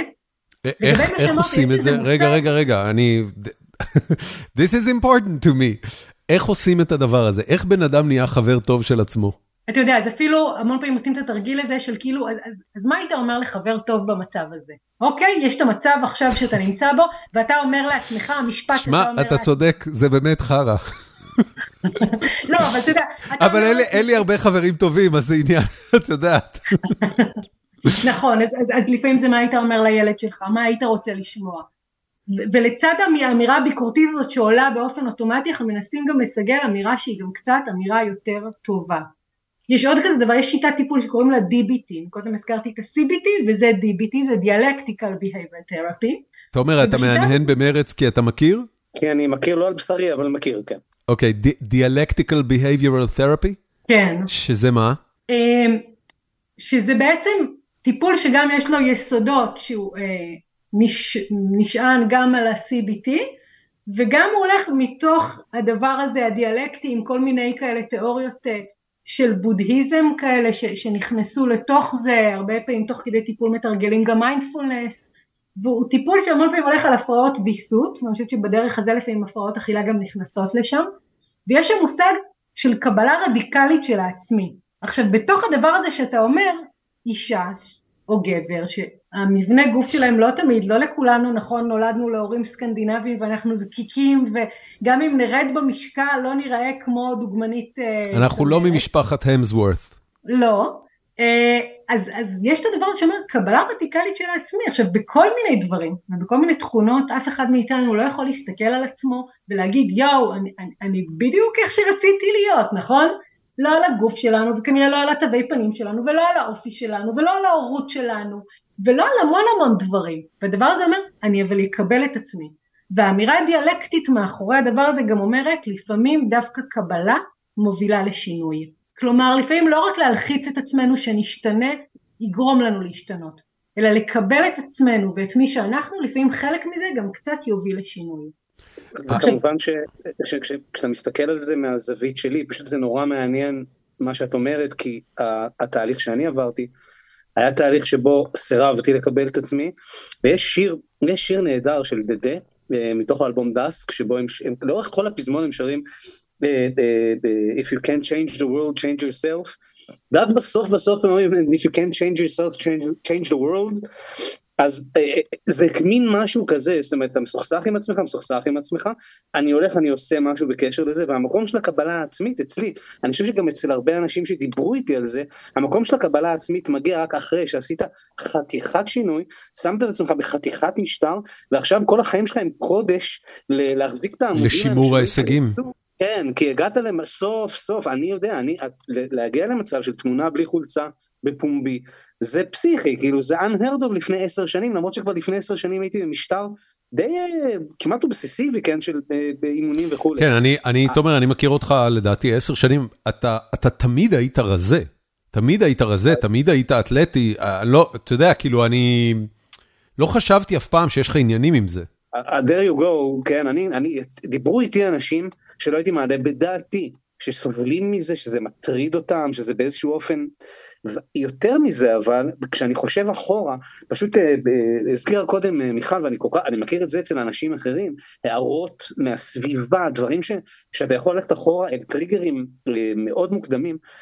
אני, אני זוכר את הטריגרים המאוד מוקדמים שלי והם היו אפשר לספור אותם על באמת אצבעות של יד אחת וזה דברים מינוריים זה הערות פה מחבר שם באמת שום דבר דרסטי אבל כנראה שעם מספיק רגישות יתר למקום הזה, ועם מספיק פרפקציוניזם, שבעיניי אגב בכלל הוא מפתח, הוא, הוא, הוא, הוא, במקרה שלי, של הרבה אנשים ששוב דיברו איתי או קראתי עליהם, יש איזה מין מקום של אני יודע שאם אני אעבוד מספיק חזק זה ישתנה. עכשיו בגלל שזה גם נכון, ואגב אני חושב שבגלל זה גם אנשים כן מגיעים עד כדי סטרואידים וכולי וכולי, כי באמת אפשר לעשות לגוף דברים כמעט בלתי נתפסים.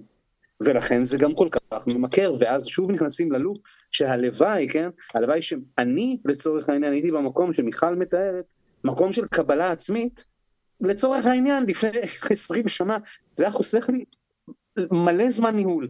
באמת. מיכל, העניין הזה של קבלה רדיקלית של עצמך, מה צריך לעשות? אז א', אני חייבת להגיד, זה הרי אידיאל לשאוף אליו, אף אחד לא יכול באמת לקבל את עצמו באופן מלא, זה כמו שכולנו נורא רוצים להיות מאושרים. אה, אני אגיד, אני אגיד אפילו יותר מזה, זה נשמע על גבול הפסיכופתיה.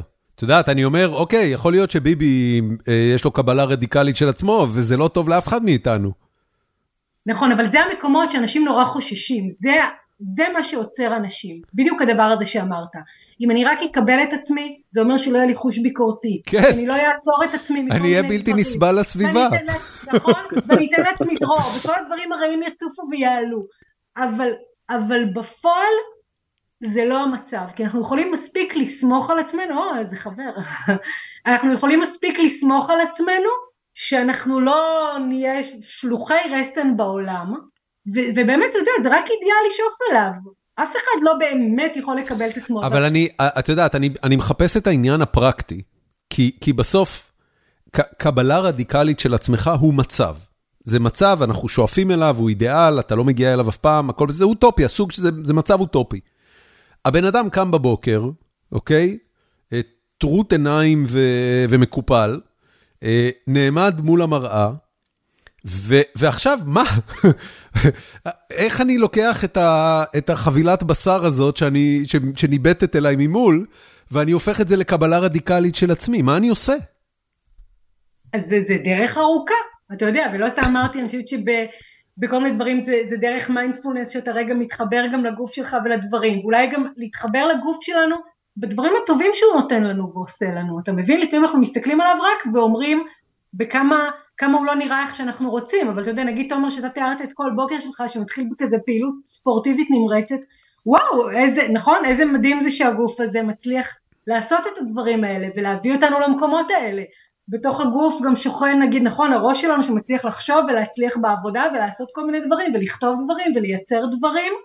אנחנו לפעמים יכולים להסתכל על עצמנו ולהגיד נגיד את החלק הזה אני דווקא כן מחבבת ואת זה אתה יודע זה, זה, זה כאילו להתכוונן בכלל למקום הזה ולחפש אותו. להתכוונן למקום שבו אנחנו רוצים לקבל את עצמנו. כי המון פעמים אנחנו רק במקום שאנחנו מחפשים איפה אנחנו אשמים ואיפה אנחנו לא בסדר ומה חסר בנו וזה רגע גם לשנות את, ה, את הפרספקטיבה הזאת ולשים רגע משקפיים אחרים ולהגיד ממה אני כן יכול להיות מרוצה מעצמי, ממה אני כן בסדר, וזה לא תוך שנייה יעלה לי לראש ואני לא אהפוך להיות ביבי ואני לא אהיה שלוח רסן בעולם, אני אהיה אני ואני סומך על עצמי, אבל אני אולי רק גם ייהנה ממה שיש, כן. אולי גם יש דברים ליהנות מהם. קורה שאנשים מגיעים אלייך עם הפרעה של דימוי גוף, הפרעת אכילה, אה, התאבססות על, על, על מראה חיצוני, כל ההרגלים נלווים, אה, עוברים אצלך תהליך ובסופו של התהליך העניין הזה הופך להיות אה, לא רלוונטי, לא מנהל אותם יותר, או שזה תמיד ממשיך לנהל אותם באיזושהי רמה? לא מנהל אותם, הם תמיד יהיו בדיאלוג עם זה באיזושהי רמה, לא מנהל אותם. אתה מבין? הם תמיד יהיו באיזושהי, באיזשהו דיאלוג עם זה. אגב, בעיניי קצת זה שינוי אמיתי. אתם יודעים שלפעמים אני שומעת ברדיו, תפתרו את הנישואים שלכם בשתי פגישות, אז אני אומרת, אוקיי, זה לא שינוי אמיתי. תרדו במשקל תוך uh, שלושה שבועות, אוקיי, או שלושה חודשים, זה לא שינוי אמיתי. בשינוי אמיתי הבן אדם תמיד בדיאלוג, והאישויים שכאילו אה, כאילו הכירו את שלוותו תמיד יישארו באיזשהו אופן, אבל כבר לא ינהלו אותם. הרבה פעמים אגב למישהו בתת משקל, כשאנחנו בתת משקל כנראה הנושא של האוכל והדימוי גוף שלנו עוד יותר ער, הרבה פעמים דווקא שעולים ואנחנו מגיעים למשקלים שהם בסך הכל משקלים יותר סבירים ובריאים לנו, אז אנחנו יכולים לחיות יותר בשלום עם עצמנו. זה דבר מדהים לראות אותו. כשאנשים רעבים יהיה להם מאוד מאוד קשה גם לחיות בשלום עם עצמם. אנחנו צריכים להיות גם באיזושהי מידה שבעים כדי שנוכל ליהנות מעצמנו. בגלל זה כמובן השינוי חייב להיות גם באופן הקונקרטי של מול האוכל, אבל גם באופן העמוק יותר. תמיד בשתי רמות העבודה. אחד הניתוחים שהכי דיברו אליי אה, כשקראתי אה, בזמנו דווקא על אנורקסיה, שאני לא זוכר איפה קראתי את זה, זה היה מאוד מדויק בעיניי, שזה איזשהו ניסיון להשיג שליטה אצל, אצל נשים, אז דובר על נשים, נשים צעירות שמרגישות שאיבדו שליטה בחייהן בגלל כל מיני נסיבות חיים. הדבר האחד שאני עדיין יכול לשלוט בו זה הגוף, אז שם, שם אני אהיה ואם יש מקום בעיניי שהוא משותף אה, לצורך העניין למה שאני אה, חווה עושה, אה, אה, ובאמת ל, לצורך העניין למי שהיא, מי שהוא עם אנורקסיה, זה שיש בזה, אה, יש בזה רצון לשלוט, יש בזה רצון להיות בשליטה אבסולוטית, שנורא קשה לשחרר אותו. ונורא מעניין. שהמון פעמים יוצא משליטה, הרצון להיות כן. כל כך בשליטה יוצא משליטה. כן, כן, ונורא מעניין טוב, אני לא, אני מניח שאין לזה תשובה אבסולוטית, אבל כמה זמן, או, או, או, או אה, אה, באיזה סוג של אינטנסיביות טיפולית בן אדם צריך להיות כדי שהדבר הזה אה, באמת יפסיק לנהל אותו. נכון, ואתה יודע, ועל אנורקסיה ועל זה יש המון בעצם סטטיסטיקות על, על זה ועל, על, ונגיד אה, נפגעות תקיפה מינית וכל מיני דברים כאלה, ואז בעצם עולה הצורך להיות בשליטה על הגוף שלנו, כי אנחנו מרגישים שפעם מישהו הפקיע מאיתנו גם את השליטה הזאת. מיכל, אני אשאל אותך, כי, העלית את הנושא של uh, תקיפה מינית. Uh, אחד, ה, אחד הדברים ששמעתי uh, עליהם זה שבקרב נפגעי ונפגעות תקיפה מינית יש עניין של השמנה כמנגנון הגנה, במובן הזה שאם אם, אם אישה או גבר הותקפו מינית, נאנסו, והם היו רזים או סתם בגודל נורמלי, אז השמנה ואוביסיטי תוביל לזה שהם יהיו פחות מושכים ולכן פחות סיכוי שזה יקרה להם עוד פעם. זה דבר אמיתי? זאת אומרת, כשאת נתקלת באנשים שהם בצורה משמעותית מעל המשקל התקין שהם אמורים להיות בו, הסיכון שיש שם פגיעה מינית הוא גבוה יותר? בעצם בשני, בשני הקצוות של הדבר הזה, הסיכון שיש פגיעה מינית הוא גבוה יותר. אתה מבין? אצל חלק זה יהיה גם בצד של הרזון? ולהפוך לפחות אטרקטיביים, ולחלק זה יהיה מהמקום של ה over שליטה, מעצם זה שאולי הרגשתי שבאמת הופקעה ממני שליטה, אני אהיה ב over שליטה. והגישה הטיפולית ל, לענייני השמנה ודימוי גוף ש, שנובעים מתקיפה מינית, הוא שונה מאשר למקומות האחרים? הוא לא שונה, כי אני מרגישה שאם כל אחד אני יוצאת למסע והוא המסע שלו, אתה מבין? אז יש כמה דברים שהם אולי דברים קבועים, אבל, אבל תמיד במסע מגלים תוך כדי דברים חדשים. אה, אני חושבת שתמיד הנחת העבודה שלי שיכול להיות שיש שם משהו כזה של תקיפה מינית או משהו כזה זה איזושהי הנחת עבודה וגם אם הדברים לא ישר גלויים אני לוקחת בחשבון שהם קיימים okay. אוקיי. ואני עוד אולי לא יודעת אותם ותמיד אתנהג מסביב לדבר הזה בזהירות רבה כי אני חושבת שיכול להיות שיש שם משהו כזה ולא תמיד אנשים זוכרים את זה אבל הגוף קצת זוכר את זה עבורם אה, אז זה לא שונה, כמובן שאם עולה משהו כזה, אז צריכים לתת, כאילו צריכים לתת עליו את הדעת ולתת לא מקום. אוקיי. Okay. אה, uh, עוד משהו שרציתי לשאול אותך, את, את, uh, את מתעסקת בזה כבר הרבה שנים, uh, uh, כמה? 15? 20? Uh, קצת מעל 15. מה השתנה ב-15 שנים האלה מבחינת המדע ו- ו- והגישה של הפסיכולוגיה לענייני דימוי גוף? חוץ מזה שזה נהיה הרבה יותר... Uh, בקונצנזוס והרבה יותר אנשים מרגישים בנוח לדבר על זה. השתנה משהו בהבנה של המנגנונים שגורמים לזה ובדרכי הטיפול? אני חושבת שזה כל הזמן משתכלל, אתה יודע אם דיברנו מקודם על DBT זה שיטת טיפול שהיא יותר של השנים האחרונות והיא בטח לא הייתה כשהייתי מתמחה, אני חושבת שאם אה, פעם באמת יותר דיברנו על אנורקסיה ובולימיה, היום מדברים על, על קשת הרבה יותר רחבה של הפרעות אכילה ובעיות בדימוי גוף. ואני חושבת שגם על המקום, אתה יודע, בגלל שאני גם מטפלת במרפאה פרטית ולא נגיד כבר במשהו שהוא מסגרת אשפוזית או משהו כזה, אני לרוב לא מטפלת במקרה קצה. אתה מבין? אני לא מטפלת ב... באנשים שהם בחוסר משקל והם כבר צריכים להיות מטופלים ועם זונדה או משהו כזה, זה יותר ויותר כל הזמן זולג לאוכלוסייה הרגילה. נכון? הנה תומר כאילו אומר על עצמו, אומר, אני, אני, אני לא מרגיש שיש לי הפרעת אכילה או משהו כזה, אני אדם מתפקד והכל, והנה הנושא הזה כל כך מעסיק אותי. וזה אולי הדבר אה, ששונה פה, איך הדבר הזה יותר ויותר מטפטף לאוכלוסייה הרגילה, מצד אחד בגילאים יותר צעירים כל הזמן רואים שזה מתחיל, ומצד שני משפיע על גילאים הרבה הרבה יותר מאוחרים. אני חושבת שלפני, אתה יודע, אתה מדבר על עצמך נכון בגיל 48 ועל היחס שלך עם הגוף שלך, אני חושבת שלפני 40 שנה, גברים בני 48, פחות היו עסוקים קצת ממש בגוף שלהם והיו צריכים לתחזק קוביות ואם היה להם גם קצת קרס זה, זה היה פחות נוראי. אז זה כל הזמן אני, כאילו, אני, אתה מבין, הגיל, הגיל נהיה יותר צעיר ומצד שני גם יותר מבוגר. אם, אם אני הולך 30-40 אה, שנה אחורה, אז, אז גם המודלים היו שונים. נכון. לגידי גוב בדיזינגוף 99 אין קוביות בבטן. נכון. נכון, לא, אם אנחנו יושבים לא... על מרלין מונרוי, נראית אפילו קצת מלאה בכל מיני דברים שלה, אה, כן. שהיא הולכת עם בגד ים, עם זה, עם זה, והיא בטח לא כזאת דקיקה.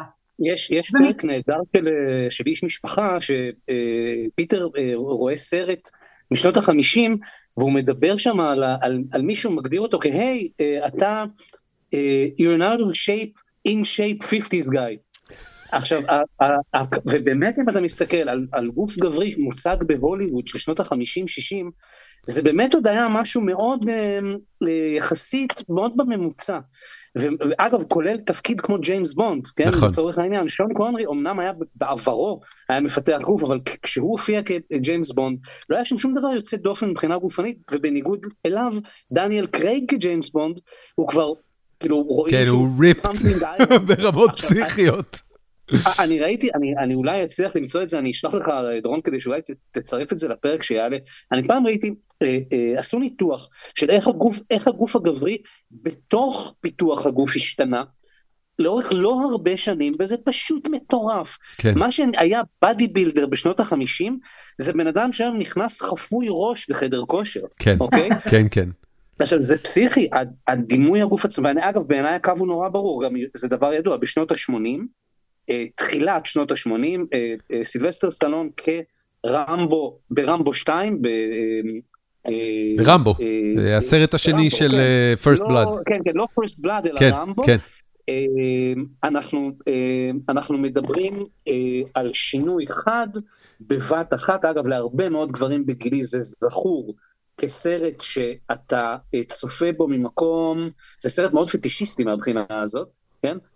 הסרט השלישי בסדרה הוא עוד יותר פטישיסטי, זה מסל פטיש פול בלון, ומאותו רגע יש קפיצה אל הלא מושג בדימוי הגוף הגברי. אני, אני רק אשאל אותך אם אתה חושב שזה סטלון ולא שוורצנגר, כי שוורצנגר עשה את קונן, לדעתי, כמה שנים לפני. אה, נכון, אבל, נכון, נכון, שוורצנגר היה חד משמעית, אבל מה, שוורצנגר תמיד נראה כאילו נפל מהאולימפוס. נכון, זה היה הסיפור. סטלון- הוא, הוא שיחק אבל את... סטלון- אה, כן, הוא בממדים ובזה, הוא לא, הוא לא ענק, הוא לא נראה נפיל, הוא לא נראה איזה אנומליה, ואגב, בניגוד לשוורצנגר, הוא גם לא, לא נראה כמו מישהו שאוכל סטרואידים לארוחת בוקר. נכון. אז משהו שם היה יותר כאילו נגיש, יותר close to home. אגב, יש גם עניין, זה אפשר לדבר על זה שעות ו-don't get me started, כן? על איזשהו סוג של מזוכיזם שתמיד אפיין את הקריירה של סילבסטר סטלון, וזה תמיד בא ממקום מעונה, זה לא בא ממקום של אל.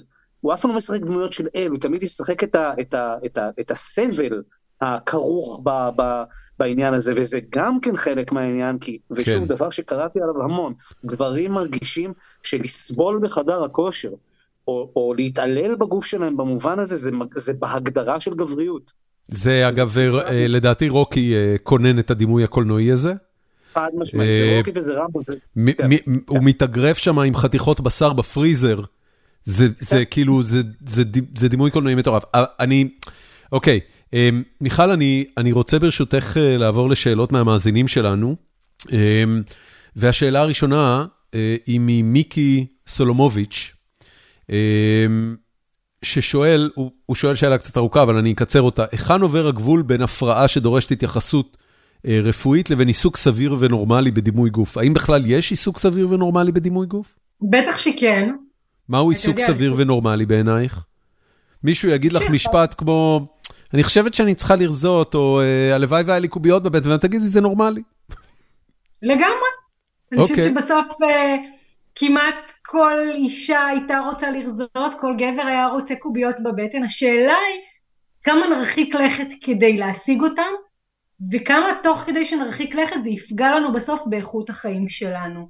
אם אני קמה בבוקר עם המחשבה הזאת והולכת לישון איתה, וכל היום זה הדבר היחיד שישפיע לי על המצב רוח, ואני אעשה דברים שיהיו דברים קיצוניים, שיהיו דברים שיסכנו אותי, זה כבר הופך להיות משהו שהוא גם הפרעה. אוקיי. עכשיו, כאילו, היה, היה שם עוד חלק בשאלה נראה לי, נכון? אה, השאלה היא על, על, על הגבול. בטח. אה, ומתי מתי, מתי בן אדם אה, אה, אה, צריך להתחיל לחשוב על אולי כדאי לי לטפל בזה. כשהמחירים שהוא משלם הם, הם כבר נהיים גדולים מדי.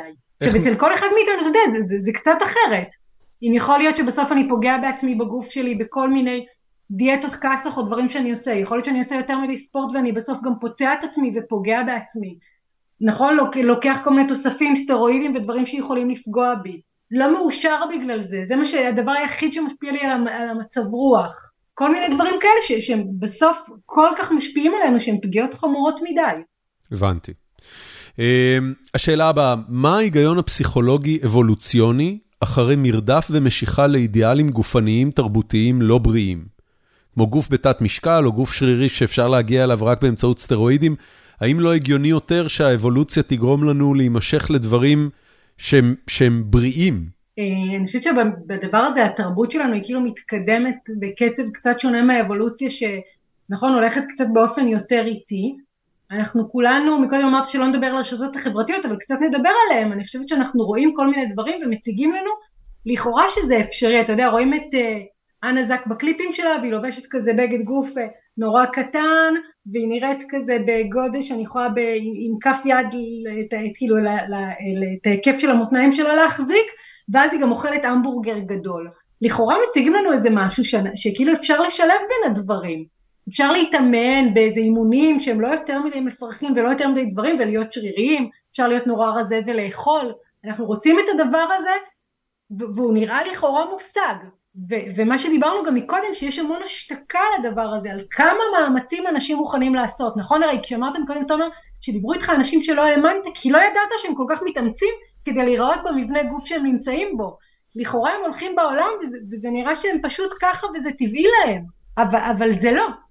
ואת הדבר הזה אנחנו כולנו רוצים. אנחנו רוצים לאכול את העוגה ולהשאיר אותה שלמה, להיות עשירים בלי לעבוד קשה, להיות רזים, עם, נכון? עם, עם לאכול, לפתח את הגוף בלי לעשות דברים שהם מוגזמים והם נזק. את בעצם אומרת שמתוך הפנטזיות האוטופיות הרבות והמגוונות שאנחנו מסוגלים לייצר כבני אדם, והיום המקום העיקרי שהן נצרכות זה רשתות חברתיות, אה, זה פשוט דופק לנו את השכל, אין דרך אחרת להגיד, להגיד את זה, זה, זה משבש לנו את, את כל מה שאנחנו מבינים לגבי מהו, מהו דבר מושג ומהו לא? כן. אוקיי. יש, אה, כן. אני, אני, אני אשאל, את יודעת, אה, בקולנוע מאוד מקובל לכתוב בסוף סרט, בעלי חיים לא... אה, אה, נפגעו במהלך הסרט הזה, והייתה איזו תנועה לדעתי לפני כמה שנים של אה, נגד פוטושופ. זאת אומרת, נכון. לרסן משמעותית את השימוש של פוטושופ, אני זוכר שקייט ווינסלט הייתה אחת האדבוקטיות החזקות של זה, וסירבה בכל תוקף שאיזושהי תמונת שער שלה תעבור פוטושופ. יש היום איזשהו גוף, או אולי אפילו דיבור ברמת מדינת ישראל, את יודעת, כמו שמנסים למנוע מלח וסוכר מילדינו באמצעות אה, מדבקות ותוויות ומיסוי, האם יש מישהו שאומר, חבר'ה, אנחנו צריכים אה, לעבור על הדימויים האלה, וקליפ אה, מגוחך כזה של אנה זק אוכלת צ'יזבורגר, אה, לא מקבל את התווית שלנו. אז אני חושבת שיש כל מיני דברים כאלה, ויש כל מיני דברים, נכון, שפאולה רוזנברג עושה, והיא הצטלמה כזה עם הגוף שלה והראתה אותו כמו שהוא, ויש הרבה הרבה דברים כאלה שעושים. יחד עם זה, יש כוחות גם נגד שכל הזמן לוקחים את זה למבנה ומגזימים במבנה גוף הרזון הקיצוני מאוד מאוד שלכאורה נראה שהוא באפס מאמץ. אתם יודעים אפילו הסדרה הזאת נכון אמילי בפריז מדי פעם לילי קולינס היא מדברת על ההפרעות אכילה שהיו לה בעבר היא לכאורה החלימה מהם. בגלל זה היום היא, היא בחורה נכון בת עשרים ומשהו עם גוף של ילדה בת עשר שלכאורה מסתובבת בפריז ורק אוכלת קרואסונים ובגטים ובמסעדות יוקרה. ואף אחד לא מדבר על הדבר הזה, אין בחורה שנראית ככה, שיכולה לאכול את כל האוכל שהיא אוכלת, היא לא באמת החלימה מהפרעות האכילה שלה, זה לא יכול להיות כשנראים ככה, יש המון המון סתירות שלא נותנים עליהן את הדעת, ובנות צעירות רואות את זה ואומרות אני גם רוצה להיראות ככה ולרוץ בפריז ולאכול את כל הדברים האלה שהיא אוכלת, זה נראה כאילו זה מסתדר, ואז זה נראה יואו, רק, קצת רק אני נדפקתי, רק אני שאני אוכלת אני מעלה. יש... Uh, uh...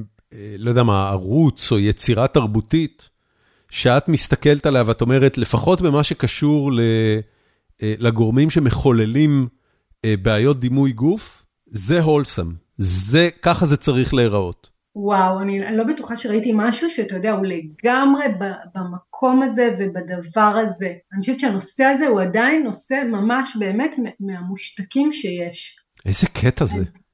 עדיין לא מדברים על זה, אף אחד לא בא לליזו ואומר לה, ליזו את לא רק מרוצה מהגוף שלך, גם קשה להיות ולחיות בתוך המימדים שלך. אתה מבין, לכאורה מדברים על מקומות כאלה שמה שהיא עושה הוא העצמה נשית, וזה, אבל, אבל מובלע שם גם איזושהי, מובלעת שם איזושהי תרמית. אבל זה באמת, זה, זאת חלק, אה, זה, זה חלק מהאבסורד במצב שדורון דיבר עליו ממש בתחילת הפרק, על, על קבלת השונה, זה שגם אסור היום, פשוט אסור, ובוודאי בארצות הברית, אתה פשוט לא יכול לנהל דיאלוג כזה, כי זה, זה שחיטה על הסף. זאת אומרת, אם את אומרת את מה שאת אומרת עכשיו בפודקאסט באנגלית, והוא עולה בעיר מגוריו של אה, דורון, לדעתי אנחנו כולנו תלויים על עץ למחרת. אני, אני, חושב, אני חושב שלא, אני חושב שלא. אני חושב שיש, חלק מהוויכוח הפוליטי היום בארצות הברית, בין אה, הימין השמרני, שמסרב להיכנע לפרוגרסיביות המטורללת, מה שמכונה הפרוגרסיביות המטורללת, זה בדיוק על דברים כאלה. זה על הרגע שבו אתה אומר, תקשיבו חבר'ה, טוב שכל אחד יקבל את עצמו, אבל בואו, אוביס זה אוביס. ואל אל, אל תנרמלו לי משהו שהוא בסופו של דבר מקצר חיים ומוביל לשלל בעיות בריאותיות שאף אחד לא מדבר עליהן. נכון. מה, מהצד השני, זה, זה הרי תגובת נגד לזה ש... הנה, את בעצמך אומרת, הביקורת של החברה המודרנית. עזבי רגע הורים, עזבי רגע ילדים, עזבי רגע דימויים ברשתות חברתיות. נניח שהבן אדם הוא נורמלי לגמרי, והוא הולך לרופא. אוקיי? הוא הולך לרופא עם אמא שלו. והרופא אומר לאמא שלו, הילד צריך לאכול פחות ממתקים. והרופא צודק. ו- והילד, והילד הוא באמת, כן. נכון, אבל רופא, ואנחנו מבינים את זה היום, הוא לא צריך להגיד את הדבר הזה גם לאוזני הילד. הוא יכול אולי להגיד את זה לאימא שלו. מה שתומר אמר מקודם, הוא אמר על כף יד אחת, אני יכול להגיד על הפעמים שבהם העירו לי משהו על הגוף שלי והכל, והנה אני זוכר אותם והם השפיעו עליי עד היום. זה רק מלמד אותנו באיזה חרדת קודש אנחנו צריכים להיזהר ולהעיר לילדים לגבי המשקל שלהם ולגבי המראה שלהם. עכשיו אני חושבת שהרופא הזה הוא צריך אחר כך לקרוא לאימא, כמו שיש כל מיני דברים שאנחנו לא אומרים ליד ילדים, נכון? מה, מה הוא אבל יגיד לאימא? מה הוא יגיד לאימא? תפסיקי לקנות ממתקים? צריך, צריך יותר לשים לב לתזונה של הילד הזה. ותנסי להקפיד יותר על אוכל בריא ולשים ולעודד אותו יותר לאכול אוכל בריא. עכשיו איך זה לעודד אותו? זה לא להגיד לו תאכל רק ירקות, תאכל רק זה, תאכל רק זה. זה לשים יותר דברים בבית שהם יותר בריאים, זה להכין דברים שהוא יותר אוהב שהם מבוססי ירקות, זה להפוך את הירקות ליותר זמינים, אתם יודעים, זה נגיד לשטוף קערת ירקות כזה ושהיא תהיה מונחת על השיש בחוץ ולא רק בתוך המקרר ואפשר לעבור ולקחת ממנו כל הזמן. זה תנסי שהוא יצרוך ממתקים ודברים כאלה יותר במתינות, זה כל מיני דברים כאלה. עכשיו בעיניי גם ילד שיש לו נטייה ורוצה קצת לאכול יותר ויאכל יותר ממתקים והכל, הוא לא יהיה אוביס. ילד שיהיה אוביס, ילד שבמשהו ימנעו ממנו ולא ייתנו לו ולא, והוא לא יאפשר לו לאכול וזה יהיה איזה תגובת נגד והוא יעשה להורים שלו דווקא והוא ייכנס מתוך מקומות שהוא מרגיש נוראי עם עצמו ואז הוא יחביא ויאכל ממתקים בחדר משם אנחנו כאילו מוצאים כל מיני התנהגויות שהן הרבה יותר הרסניות עם אוכל אוקיי. Okay. כי הן נובעות כבר ממנגנונים של אשמה ושל כעס על עצמי ושל שנאה עצמית. Um... מירי הורוביץ שואלת, האם יש הבדל בבעיות דימוי גוף של נשים בין החברה הדתית או החרדית לחילונים? זה בכלל משהו שאת חשופה אליו? אני יודעת שהדבר הזה גם בעצם קיים בחברות אה, דתיות ולא רק בעצם בחברות חילוניות. אמ, כי אני חושבת שגם שם בעצם נשים מתבקש מהם איזשהו משהו של מראה ואידיאל וזה גם נורא חשוב איך אישה נראית. אה, אני חושבת שהדברים האלה הם קצת שונים אבל לא מהותית. זה, זה קיים גם וגם, אתה יודע, זה שונה בניואנסים בסוף התרבותיים, באיך זה נראה, אבל לא במהות שלו. מה זה אומר? שגם נשים uh, דתיות בעצם uh, מצפים מהם שאיזושהי ציפייה בלתי אפשרית שלנו יש בחברה של, נכון שאמרתם קודם, uh, תאכלי, אבל עדיין תהיי נורא רזה, שם יש תלדי, תביאי ילדים, תבשלי, תעשי, נני ננה, אבל גם תשמרי על הגוף שלך ותהיי עדיין טובת מראה. אוקיי, איך איך בחברה, הרי הרי החברה החרדית קודם כל אובססיבית לצניעות, מבחינתם נשים זה בכלל משהו שצריך להסתיר אותו. אז אם זה משהו שצריך להסתיר אותו, איך בכל זאת בא לידי ביטוי המסר הזה של תהיי טובת מראה? זה לא תהיי טובת מראה. כי בסוף תש... בשידוכים יש לזה המון משמעות. הבנתי. אתה יודע, בסוף בתוך אוקיי. הדבר הזה של שידוך יש לזה המון משמעות, וגם אחר כך. ונשים הן גם בקרב נשים אחרות, ונשים טובלות במקווה ורואים אותן בלי בגדים ובלי דברים. ואישה נחשבת אה, אה, מאוד, אם היא עלתה המון במשקל היא תיחשב מוזנחת, זה לא רק כאילו, מצפ... אתה יודע, זה, זה איזושהי ציפייה כפולה, תהיי אולי צנועה, אבל גם, גם, גם טובת מראה. אוקיי, אז את אומרת, זה, זה בעצם אותו דבר. כן, ב- עם, יש השינויים. יש את זה באיזושהי צורה אצל גברים חרדים? כי אם יש אוכלוסייה שהייתי מצפה שלא יהיה לה עניין של דימויי גוף, זה גברים חרדים. אז, אז אני מודה שאני קצת אה, פחות אה, יודעת ובקיאה, כי אתה יודע, הסיכוי שגבר חרדי יבוא למטפלת אישה, אני, אני יכולה לספור על כף יד אחת כמה, כמה מטופלים כאלה היו לי במהלך השנים, ואז גם זה אומר עליהם שבמשהו הם כזה לא סטנדרטים, והם תמיד היו לא סטנדרטים ולא המייצגים הנורא הזה של הציבור שלהם, אה, ובמידה מסוימת דווקא העסיקו אותם המראה גם ואיך שהם נראו, אבל לא יודעת להגיד לך אם זה מייצג או לא. טוב, אמ, שאלה אחרונה. תומר, אה, זה דווקא אליך, אלון מנור רוצה לדעת מה הדרך הכי מהירה, בסוגריים אימונים, תזונה הכי יעילים מהירים, לגבר במבנה גוף רגיל שיהיו לו קוביות בבטן. כן, אני ראיתי את השאלה. בסוף, it all כן, boils down ל... אז אני יודע לעשות קוביות בבטן או לא? בעיקר רציתי להגיד לו באמת כאילו אל תקשיב לכל מיני משפיענים וכל מיני פסיכים כמוני שאורח חייהם הוא אולי אי אפשר להגיד עליו שהוא לא בריא אבל הוא אפרופו להיות מנוהל אני מנוהל על ידי הדבר הזה אה, באופן מובהק. אני לא הייתי ממליץ לאף אחד לאמץ את אורח החיים שלי. אה, יכול להיות שיש דרכים יותר שפויות אין לי מושג אני חושב באמת שאם אם הייתי צריך להעביר איזשהו מסר לגברים זה הכי חשוב זה כשהילדים גדלים שהילדים לא יקבלו בדיוק כמו- כמו שאמרה מיכל לא להעביר ילדים, מס, ילדים מסרים שהם צריכים להיראות x או y או שמודל כזה או אחר הוא הנכון כי זה דופק את השכל ואת הנפש אה, ולכן אני גם באופן אישי נורא נורא נמנע מלתת בקטעים האלה עצות או לעודד או להגיד תעשה כמוני תהיה כמוני נהפוך הוא אל תעשו כמוני אל תהיו כמוני למה שזה מלא עבודה אה, ומלא תסכול ומלא, ומלא אשמה. אבל, אה, אבל תומר, רגע, מגניב אני, בסוף. אני, ח- אני חייב לעצור אותך, מה שנקרא to call a bit of bullshit here. Uh, אתה פרסמת תמונה, שאני גם העליתי אותה uh, לקבוצה אצלנו. תמונה שלך לא אחת, אלא לאורך השנים, 2021 או 2022, 2023. ובכל אחת מהתמונות האלה אתה יותר חטוב, יותר, אה, אה, איך זה נקרא, מגולף. אה, והתמונה הזאת היא בהגדרה תמונת ניצחון. זאת אומרת, זו התמונה שלך עם ההישג הפרטי שלך, של השד הפנימי שלך שניצחת אותו. זה קצת נשמע כמו, אתה יודע, הייטקיסט שעשה אקזיט ועכשיו מספר לכולם, אתה יודע, יזמות זה לא בשבילכם, זה רק למשוגעים. יופי, אחי, עשית אקזיט. לא, לא, לא מתווכח עם זה שהתוצאה היא, היא סבבה, אני לא מתווכח עם זה שזה נורא כיף כאילו להיות בצד השני של, ה, של השנאה העצמית הזאת, אבל אני גבר בן 48, אוקיי? אה, סביר להניח שתוך, לא יודע, שנתיים, שלוש, ארבע, חמש, לא ניתן יהיה לקיים לא את המשטר הזה ולא את הגוף הזה, ואז מה? אני לא בטוח, בן אדם, תראה את סטינג. היו תמונות שלו בסוף שבוע האחרון מאיזו הופעה בדובאי, שראיתי עפו בפייסבוק, כי הרבה אנשים, אה, אה, כאילו הרבה ישראלים היו שם. בן אדם, הוא נראה, הוא נראה, מש, זה נראה משוגע לגמרי. סטינג בגיל יכול כמעט להיות, יכול. 70 נראה יותר טוב מרוב האנשים שאני מכיר בגיל 20. יכול להיות, מה שאני יודע על עצמי זה נורא פשוט, כדי להגיע לזה, החיים שלי מנוהלים על ידי זה, אה, ולא רק שהם מנוהלים על ידי זה, הם, אה, אני לגמרי מאבד את הצפון, אם משהו בשגרה שלי מונע מה, מה, מהמשטר הזה להתקיים. עכשיו, לחיות את זה, זה לא כיף גדול.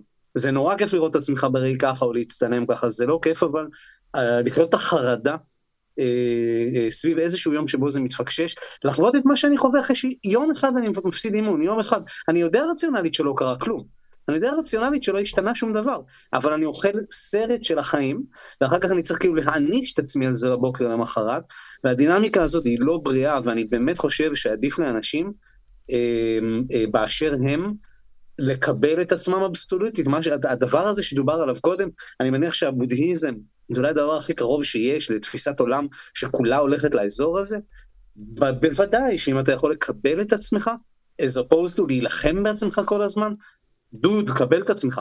החיים קצרים. כשאת, כשאתה במקום הזה של אה, לראות את עצמך חטוב ומגולף במראה, אז אתה סוף סוף כן מקבל את עצמך? זאת אומרת, הדבר הזה מביא איתו שקט? חד משמעית כן, אבל זה שקט נורא קצר. נכון, אה, שים לב כמה הוא אומר לך שהשקט הזה אצלו רגעי. כן, הוא מאוד מאוד רגעי. אז, הוא- אז הוא לא, לא יותר. חשוב מבחינתך לעבוד על השקט מאשר על הקוביות?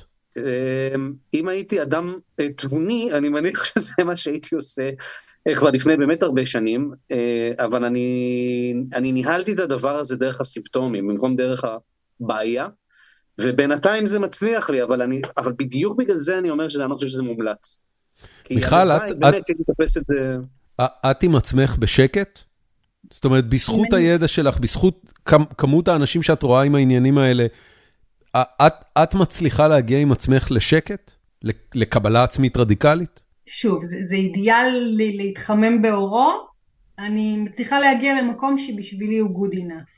ו- ורק לשם אנחנו יכולים לשאוף, קצת כמו שוויניקוט דיבר על האם הטובה דייה, אנחנו גם יכולים פה להגיד מקום שהוא יהיה לנו good enough. מה, מה, זה, מה זה הביטוי הזה, האם הטובה דייה? זה, אתה יודע, אני חושבת שכל אימא וכל אבא שהם, נכון שנולדים להם הילדים רוצים להיות הורה מושלם עבורם, אבל אף אחד מאיתנו הוא לא הורה מושלם. ובפסיכולוגיה, אתה יודע, מלא תיאורטיקנים גרמו להמון אימהות והמון אבות להרגיש רגשות אשם, כי מצד אחד צריך להיות ככה ומצד שני ככה, וזה מין משימה כזאת בלתי אפשרית. ואז קם וויניקוט, שהוא אחד התיאורטיקנים השפויים יותר בעולם הפסיכולוגיה, והוא דיבר על האם הטובה דייה, שאימא לא צריכה להיות מושלמת, היא לא צריכה לתסכל את הילד בדיוק במידה שהוא יעמוד בזה, ולהעניק לו בדיוק במידה שהוא יכול וכל הדברים האלה, אלא שאפשר להיות אימא טובה דייה. ואימא טובה דייה לפעמים לא מבינה את הילד שלה, ולפעמים גם עושה טעויות, ולפעמים לא מצליחה לעשות כל הדברים בדיוק בדיוק כמו בספר. ואני חושבת שגם בתוך הדבר הזה, אז אני יכולה לקבל את הגוף שלי במידה שהיא טובה דייה, לא במידה מושלמת, ולא במידה שהיא בעצם קבלה רדיקלית של עצמי, אבל אני כן מנסה להתכוונן למקום הזה, וכשאני יותר שוכחת, אני, אני, אני שוב מכווננת את עצמי לשם. ואני מנסה מהמקומות הטובים להתכוונן לשם. זה נשמע בריא להכעיס. זה, זה, זה נשמע ממש, ממש, ממש בריא להכעיס. אבל נהדר. אז כנראה שציירתי תמונה ורודה מדי. לא, לא, לא, הנה זה, את מבינה, אי, אפשר לצאת מזה, זה לופ אינסופי. גם, גם אם אתה אומר, תהיה, תהיה בנוח עם הבינוניות המסוימת שאתה יכול לחיות איתה או להגיע אליה, זהו. כמו, ש, כמו שבאחד הפרקים... ג'ורג' מתלונן בפני סיינפלד, אז משהו, אז סיינפלד אומר לו כזה, תשמע, מקסימום תוך 30 שנה הכל נגמר. וזהו. לגמרי. ובזה, ובזה הוא פותר אותו. מיכל, איפה, איפה עוד אפשר לקרוא, ללמוד? מה היית ממליצה למאזיננו הטובים לצרוך, כדי להבין קצת יותר טוב את העניין הזה של דימוי גוף, ולהגיע למצב של... קבלה עצמית רדיקלית?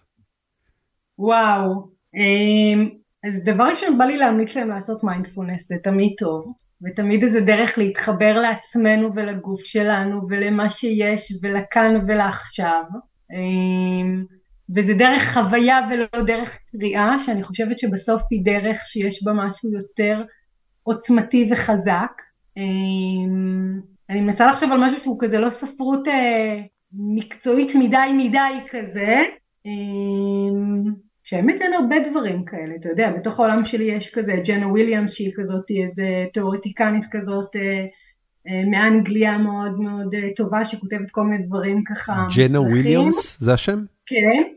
מה, היא פסיכולוגית? כזה, אולי קצת, כן, יותר לאנשי מקצוע. יש, יש,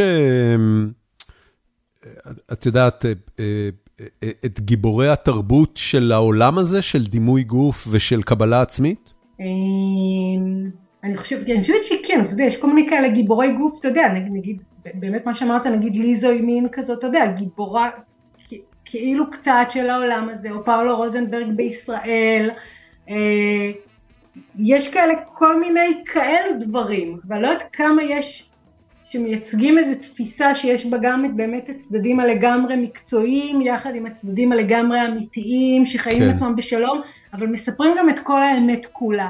זה על, נורא על, מסובך. על זה, גם, זה מאוד מסובך. טוב, אנחנו נעצור פה.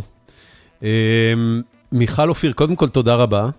אה, תודה לכם. שבאת והצטרפת, ואני אשים אה, לינק לאתר שלך, חוץ מהאתר שלך יש עוד משהו? פייסבוק, לא יודע מה? יש אולי של המרכז שאני עובדת בו, כי ככה הפייסבוק שלי הוא כזה זה, אבל המרכז שאני עובדת בו אפשר אולי לשים. בסדר גמור. תומר, יקירי, תודה רבה שבאת, תודה רבה שהבאת את החוויה שלך והסיפור שלך. כמו תמיד, אחרי שאני מדבר איתך, אה, זה, זה מרגיש הרבה פחות, אה, אה, אתה יודע, זה, זה, זה מרגיש ש, שמאחורי כל הסושיאל מדיה ומאחורי כל העניין הזה, בסוף, אתה תמיד בן אדם. There's a person underneath. here, here. כן. תבוא בהזדמנות לארץ, נשב על משהו דל קלוריות ונדבר. בהחלט. תודה רבה חברים. זה היה נהדר. תודה רבה.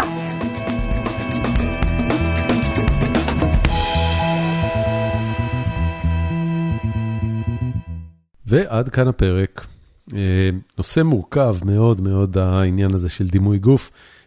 יצאתי ממנו עם, עם הרבה יותר אינפורמציה והרבה יותר הבנה, אבל לא פחות מסובכות. זאת אומרת, לא, לא הרגשתי ש, שזה פתר עבורי משהו ברמה האישית. כן נעים באיזשהו מקום לשמוע שזה כל כך נפוץ.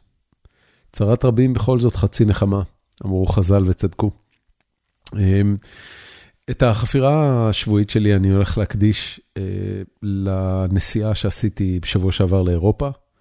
אה, אני וחבר אה, שמגיע מהארץ נפגשים באירופה זאת כבר שנה שנייה או שלישית. כדי לעשות שבוע סקי ביחד, והשנה בחרנו לעשות את זה במקום שנקרא ואל טורנס בצרפת. אה, המקום עצמו הוא מדהים ומשגע, אבל לא על זה אני רוצה לדבר בחפירה שלי. זאת הייתה פעם ראשונה שיצאתי מארצות הברית בשנה החולפת. טסתי עם בריטיש איירווייז, וכבר מהשנייה הראשונה שאתה נכנס למטוס שלהם, הצוות הוא כמובן כולו בריטי, ואתה מיד מרגיש שאתה לא בארצות הברית יותר. הדבר הזה בא במיוחד לידי ביטוי אה, במה שקשור למרחב אישי. אה, היה לי קטע ממש בתחילת המטוס, בתחילת הטיסה, שלקחתי אה, טיפה את המושב אחורה לפני הנחיתה, לפני ההמראה, סליחה, ו... ואז הגיע הרגע להמריא, וכמובן הם מבקשים מכולם ליישר את המושב. דייל ניגש אליי, והוא לא דיבר איתי, הוא לא בנימוס שאל אותי אם אה, אני יכול ליישר את המושב, אלא הוא פשוט לחץ על הכפתור, כי ישבתי במושב מעבר, אז היה לו גישה, הוא לחץ על הכפתור ואישר לי את המושב. ובתור מי שחי בארצות הברית uh, uh, כבר כמה שנים, uh, אני יכול להגיד לכם שמעולם לא חוויתי שום דבר שאפילו דומה לזה בטיסות אה, פנים אמריקאיות, או עם חברות תעופה אמריקאיות, יונייטד וכולי. לא יעיזו לגעת לך בכיסא, יבקשו ממך בנימוס, אה, יבקשו ממך אפילו בתקיפות. אה, באיזושהי נקודה, אם אתה ישן או משהו כזה, אז אפילו ייגעו בך קצת ביד. אבל לעשות את האקט של ללחוץ לך על הכפתור וליישר לך את הכיסא בכזו, בכזו פתאומיות, אף אחד לא יעשה לך. וכבר בשנייה שזה קרה, שזה היה בערך שעה אחרי שיצאתי מהבית, אמרתי לעצמי, אוקיי, you're not in Kansas anymore, זה חברת תעופה בריטית. Uh, העניין הזה כמובן ממשיך, uh, נחתתי uh, נחיתת ביניים בלונדון בדרך לצרפת, כי אין טיסה ישירה מאוסטין לצרפת, אז הייתי צריך לבלות לילה בלונדון וניצלתי את ההזדמנות, הסתובבתי בלונדון, כמובן שהעניין הזה הולך וממשיך. לונדון היא עיר מדהימה, מהממת, יפהפייה, מרגשת. וכמובן שמתוך הצפיפות שלה, אה, אין עניין של מרחב אישי. כולם על כולם, ברכבת כולם יושבים צמודים אחד לשני, ולא חס וחלילה בקטע רע, זה לא בקטע צפוף, אתה לא נגעל, אף אחד לא נגעל אחד מהשני, אלא מבינים, אנחנו חיים פה בחברה, אנחנו כולנו ביחד בסיפור הזה, אנחנו צריכים לשבת אחד ליד השני, אנחנו ניגע אחד בשני וכולי וכולי. אה, וזה היה מאוד מוזר בארצות הברית. אה, אנשים מאוד מאוד מאוד מקפידים ונזהרים לא לגעת אחד בשני, לא לחדור למרחב האישי אחד של השני. אמ, זה המשיך כמובן אחרי זה, כש, כשטסתי מאנגליה לצרפת, אז כשאתה נוחת בצרפת זה כמובן עוד יותר קיצוני, הצרפתים עוד פחות מכבדים אה, מרחב אישי. אה, נמל התעופה שבו נחתתי בגרנובל, אמ, היה צפוף ברמות מטורפות. מישהו שם כנראה עשה עבודה טובה וסגר יותר מדי טיסות לעונת החורף, אה, ונמל התעופה הזה היה עמוס בערך פי חמש ממה שהוא אמור להיות עמוס אה, כשהוא בתפוסה מלאה. אז, אז ממש ירדנו מהמטוס, כמובן אין שרוולים, אלא אתה יורד במדרגות, והייתם צריכים ללכת ברגל אה, עד הטרמינל, וכשהגענו לטרמינל, אז היה תור שהשתרך בערך 100 או 200 מטר מחוץ לשער שדרכו אתה בכלל נכנס לטרמינל כדי לעשות את, בקרת, את ביקורת הדרכונים. אז, אז אתה עומד בתור ואתה עומד עם עוד מאות אנשים, אפילו אלפים, וזה מתקדם נורא לאט, וכולם אחד על השני. אמ, תיירים מאנגליה, תיירים מישראל, תיירים מעוד מקומות, והצרפתים, מה שחמוד נורא לגביהם, זה שהם פשוט היו סבבה עם הכל. כאילו, זה, זה, זה קטע שאני שכחתי אותו לגבי צרפת, משום מה היה תקוע לי בראש דימוי שצרפתים הם אנשים לא נעימים לתיירים. זה לא היה המצב. כל הצרפתים שפגשנו בדרך, מהאנשים שהורידו אותנו מהמטוס וכיוונו אותנו אל, ה, אל הטרמינל, דרך האנשים בבקרת הדרכונים, היו מבסוטים, חייכנים, בקטע שלא לא הבנתי. הדבר הזה המשיך אחרי זה, כשעלינו על האוטובוסים שאמורים לקחת אותנו לעיירת הסקי, אז נהג האוטובוס, בגלל כל האיחורים והעיכובים בנמל תעופה, זה כבר התחיל להיות מעבר למשמרת שלו.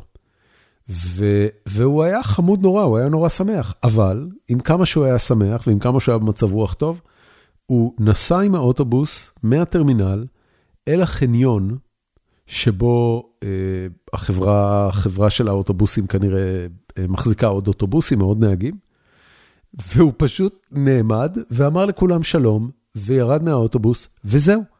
זאת אומרת, הוא, המשמרת שלו נגמרה, לא מעניין אותו כלום, הוא לא עובד עוד שעה, הוא לא מסיע אותנו רק בגלל שהמטוס התעכב, או בגלל שהנמל תעופה היה עמוס, זה פשוט לא מעניין אותו. בזמן שהיינו בצרפת, אז בכל רחבי צרפת מתחוללות עכשיו שביתות. הצרפתים הסבירו לנו שמקרון מנסה להעלות את גיל הפרישה מגיל 62 לגיל 64.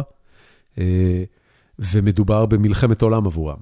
זאת אומרת, הצרפתים, הוא יוצא לפנסיה ב-62, ימות העולם, אתה לא תעלה לו את זה ל-64, מה זאת אומרת עוד שנתיים עבודה? הוא היה אמור לצאת לפנסיה בגיל 62, ויש על זה ממש מלחמה. אז בתקופה שהיינו שם, תוך כדי שאנחנו גולשים, ולשמחתנו הרבה באתר הסקי, לא היו שביתות, אז במקומות אחרים שמענו שיש גם שביתות באתרי סקי, גם נמלי תעופה שמושבתים וטיסות שמתבטלות. בקיצור, בלגן אטומי. תוך כדי שאני חווה את כל ההרפתקה המגניבה הזאת, חשבתי לי על, על מדינת ישראל, וחשבתי על המהפכה המשטרית, או לפחות הניסיון לשינוי משטרי, כדי לא לעצבן אף צד, שמתחולל כרגע. ועל הדרמה העצומה שאני רואה מהצד של חברים שלי בהייטק, סביב העניין של אולי לעשות שביתה. כלי השביתה הוא כלי שבמערכות כלכליות ובמדינות קפיטליסטיות, אחד הכלים כמובן החזקים ביותר להביע מחאה. ואני רואה את חבריי ההייטקיסטים והיזמים בקבוצות, מה זה מתלבטים, ממש יורקים דם על כן לשבות, לא לשבות, האם ראוי לשבות, האם זה פטריוטי לשבות. אני רואה חברי כנסת מהימין מתחילים להגיד, זה לא פטריוטי להזיז את הכסף, זה לא פטריוטי לעשות ככה, זה לא פטריוטי לעשות ככה. וחשבתי לי על הצרפתים, אמרתי, בואנה, אלה, אם מישהו היה בא ומזיז להם משהו בחיים בצורה שלא מוצאת חן בעיניהם, שנתיים גיל פרישה למשל, הם שורפים את המדינה.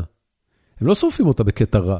הם לא יפסיקו לשתות קפה, הם לא יפסיקו אה, לאכול קרואסונים, אבל הם ישביתו את כל מה שצריך, הם יסגרו את כל מה שצריך, הם יאמללו את כל מי שצריך, כדי שמה שהם רוצים יקרה. זה המורשת של המדינה הזאת. המורשת של המדינה היא קודם כל מחאה. לא טוב לך, תמחה. אה, צרפת כמובן יש לה היסטוריה מפוארת של מחאה. הדרך היחידה שבה הם הצליחו להיפטר מהשלטון המלוכני הבלתי נסבל שהתעלל בהם במאה ה-17 ולהפוך את צרפת לרפובליקה דמוקרטית, היה בגלל מחאה, ולא מחאה עדינה, מחאה נוראה וקטלנית של, של שריפת בניינים והוצאות להורג. והדבר הזה הוא האתוס המכונן שלהם, זה, בזה הם גאים. אם משהו לא טוב לך, צא תמחה. אני, אני אומר את זה כי אני חושב שכל מי שלא טוב לו עם משהו שקורה כרגע בארץ, ואני לא חי בארץ, אז אני מאוד מאוד זהיר בביקורת שלי, אבל לעשות שביתות, אה, למחות מחאות, לעשות אותן בצורה הכי בוטה והכי אה, לא אכפתית, והכי לא סופרת את הצד שמצקצק בלשונו מהצד השני ואומר, אתם לא פטריוטים כי אתם עושים ככה, כי אתם מוציאים את הכסף, לא מוציאים את הכסף, אה, מקלקלים את הכלכלה, לא מקלקלים את הכלכלה. תקשיבו חברים, אה, כשזה נוגע לשלטון שעושה משהו שהאזרחים לא מסכימים איתו, זה השלטון מחולל. זה לא האזרחים מחוללים, זה לא המחאה מחוללת, זה השלטון מחולל. לאזרחים יש את הזכות המלאה למחות. זה היה נכון בהתנתקות כשהימין מחה, וזה נכון עכשיו כשהצד אה, השני, או, או, או שזה בעצם אותו צד, רק הוא לא בשלטון היום, אה, שמוחה. וזהו. השבוע נגמר בצורה פנטסטית, חזרתי שוב מצרפת דרך גיהנום של נמל תעופה בגרנובל ללונדון, ושוב חוויתי את היעדר המרחב האישי ואת תחושת החברות המאוד נעימה הזאת שיש בין אנשים. ועליתי לי על המטוס ל, לאוסטין, ונחתתי באוסטין, ונכנסתי לאוטו שהמשפחה באה לאסוף אותי.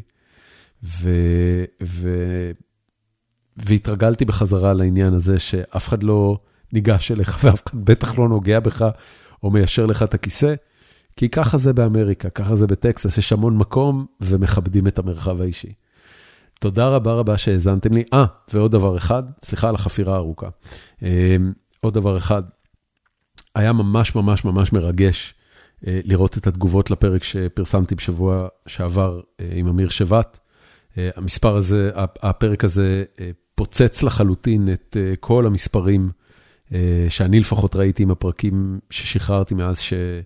חזרתי להקליט פרקים לפני שנה, אה, והתגובות היו נהדרות וחמות, ואנשים כתבו לי גם בפרטי וגם שיתפו בטוויטר, אה, ואני ממש ממש מודה לכל מי שעשה את זה, זה מרגש וזה נעים, אה, ואני יודע שזה גם מאוד מאוד ריגש את אמיר, שהחוויה האישית שלו הפכה למשהו שכל כך הרבה אנשים מזדהים איתו ומשתפים אותו. זהו, תודה רבה לכם על ההאזנה, נתראה בפרק הבא.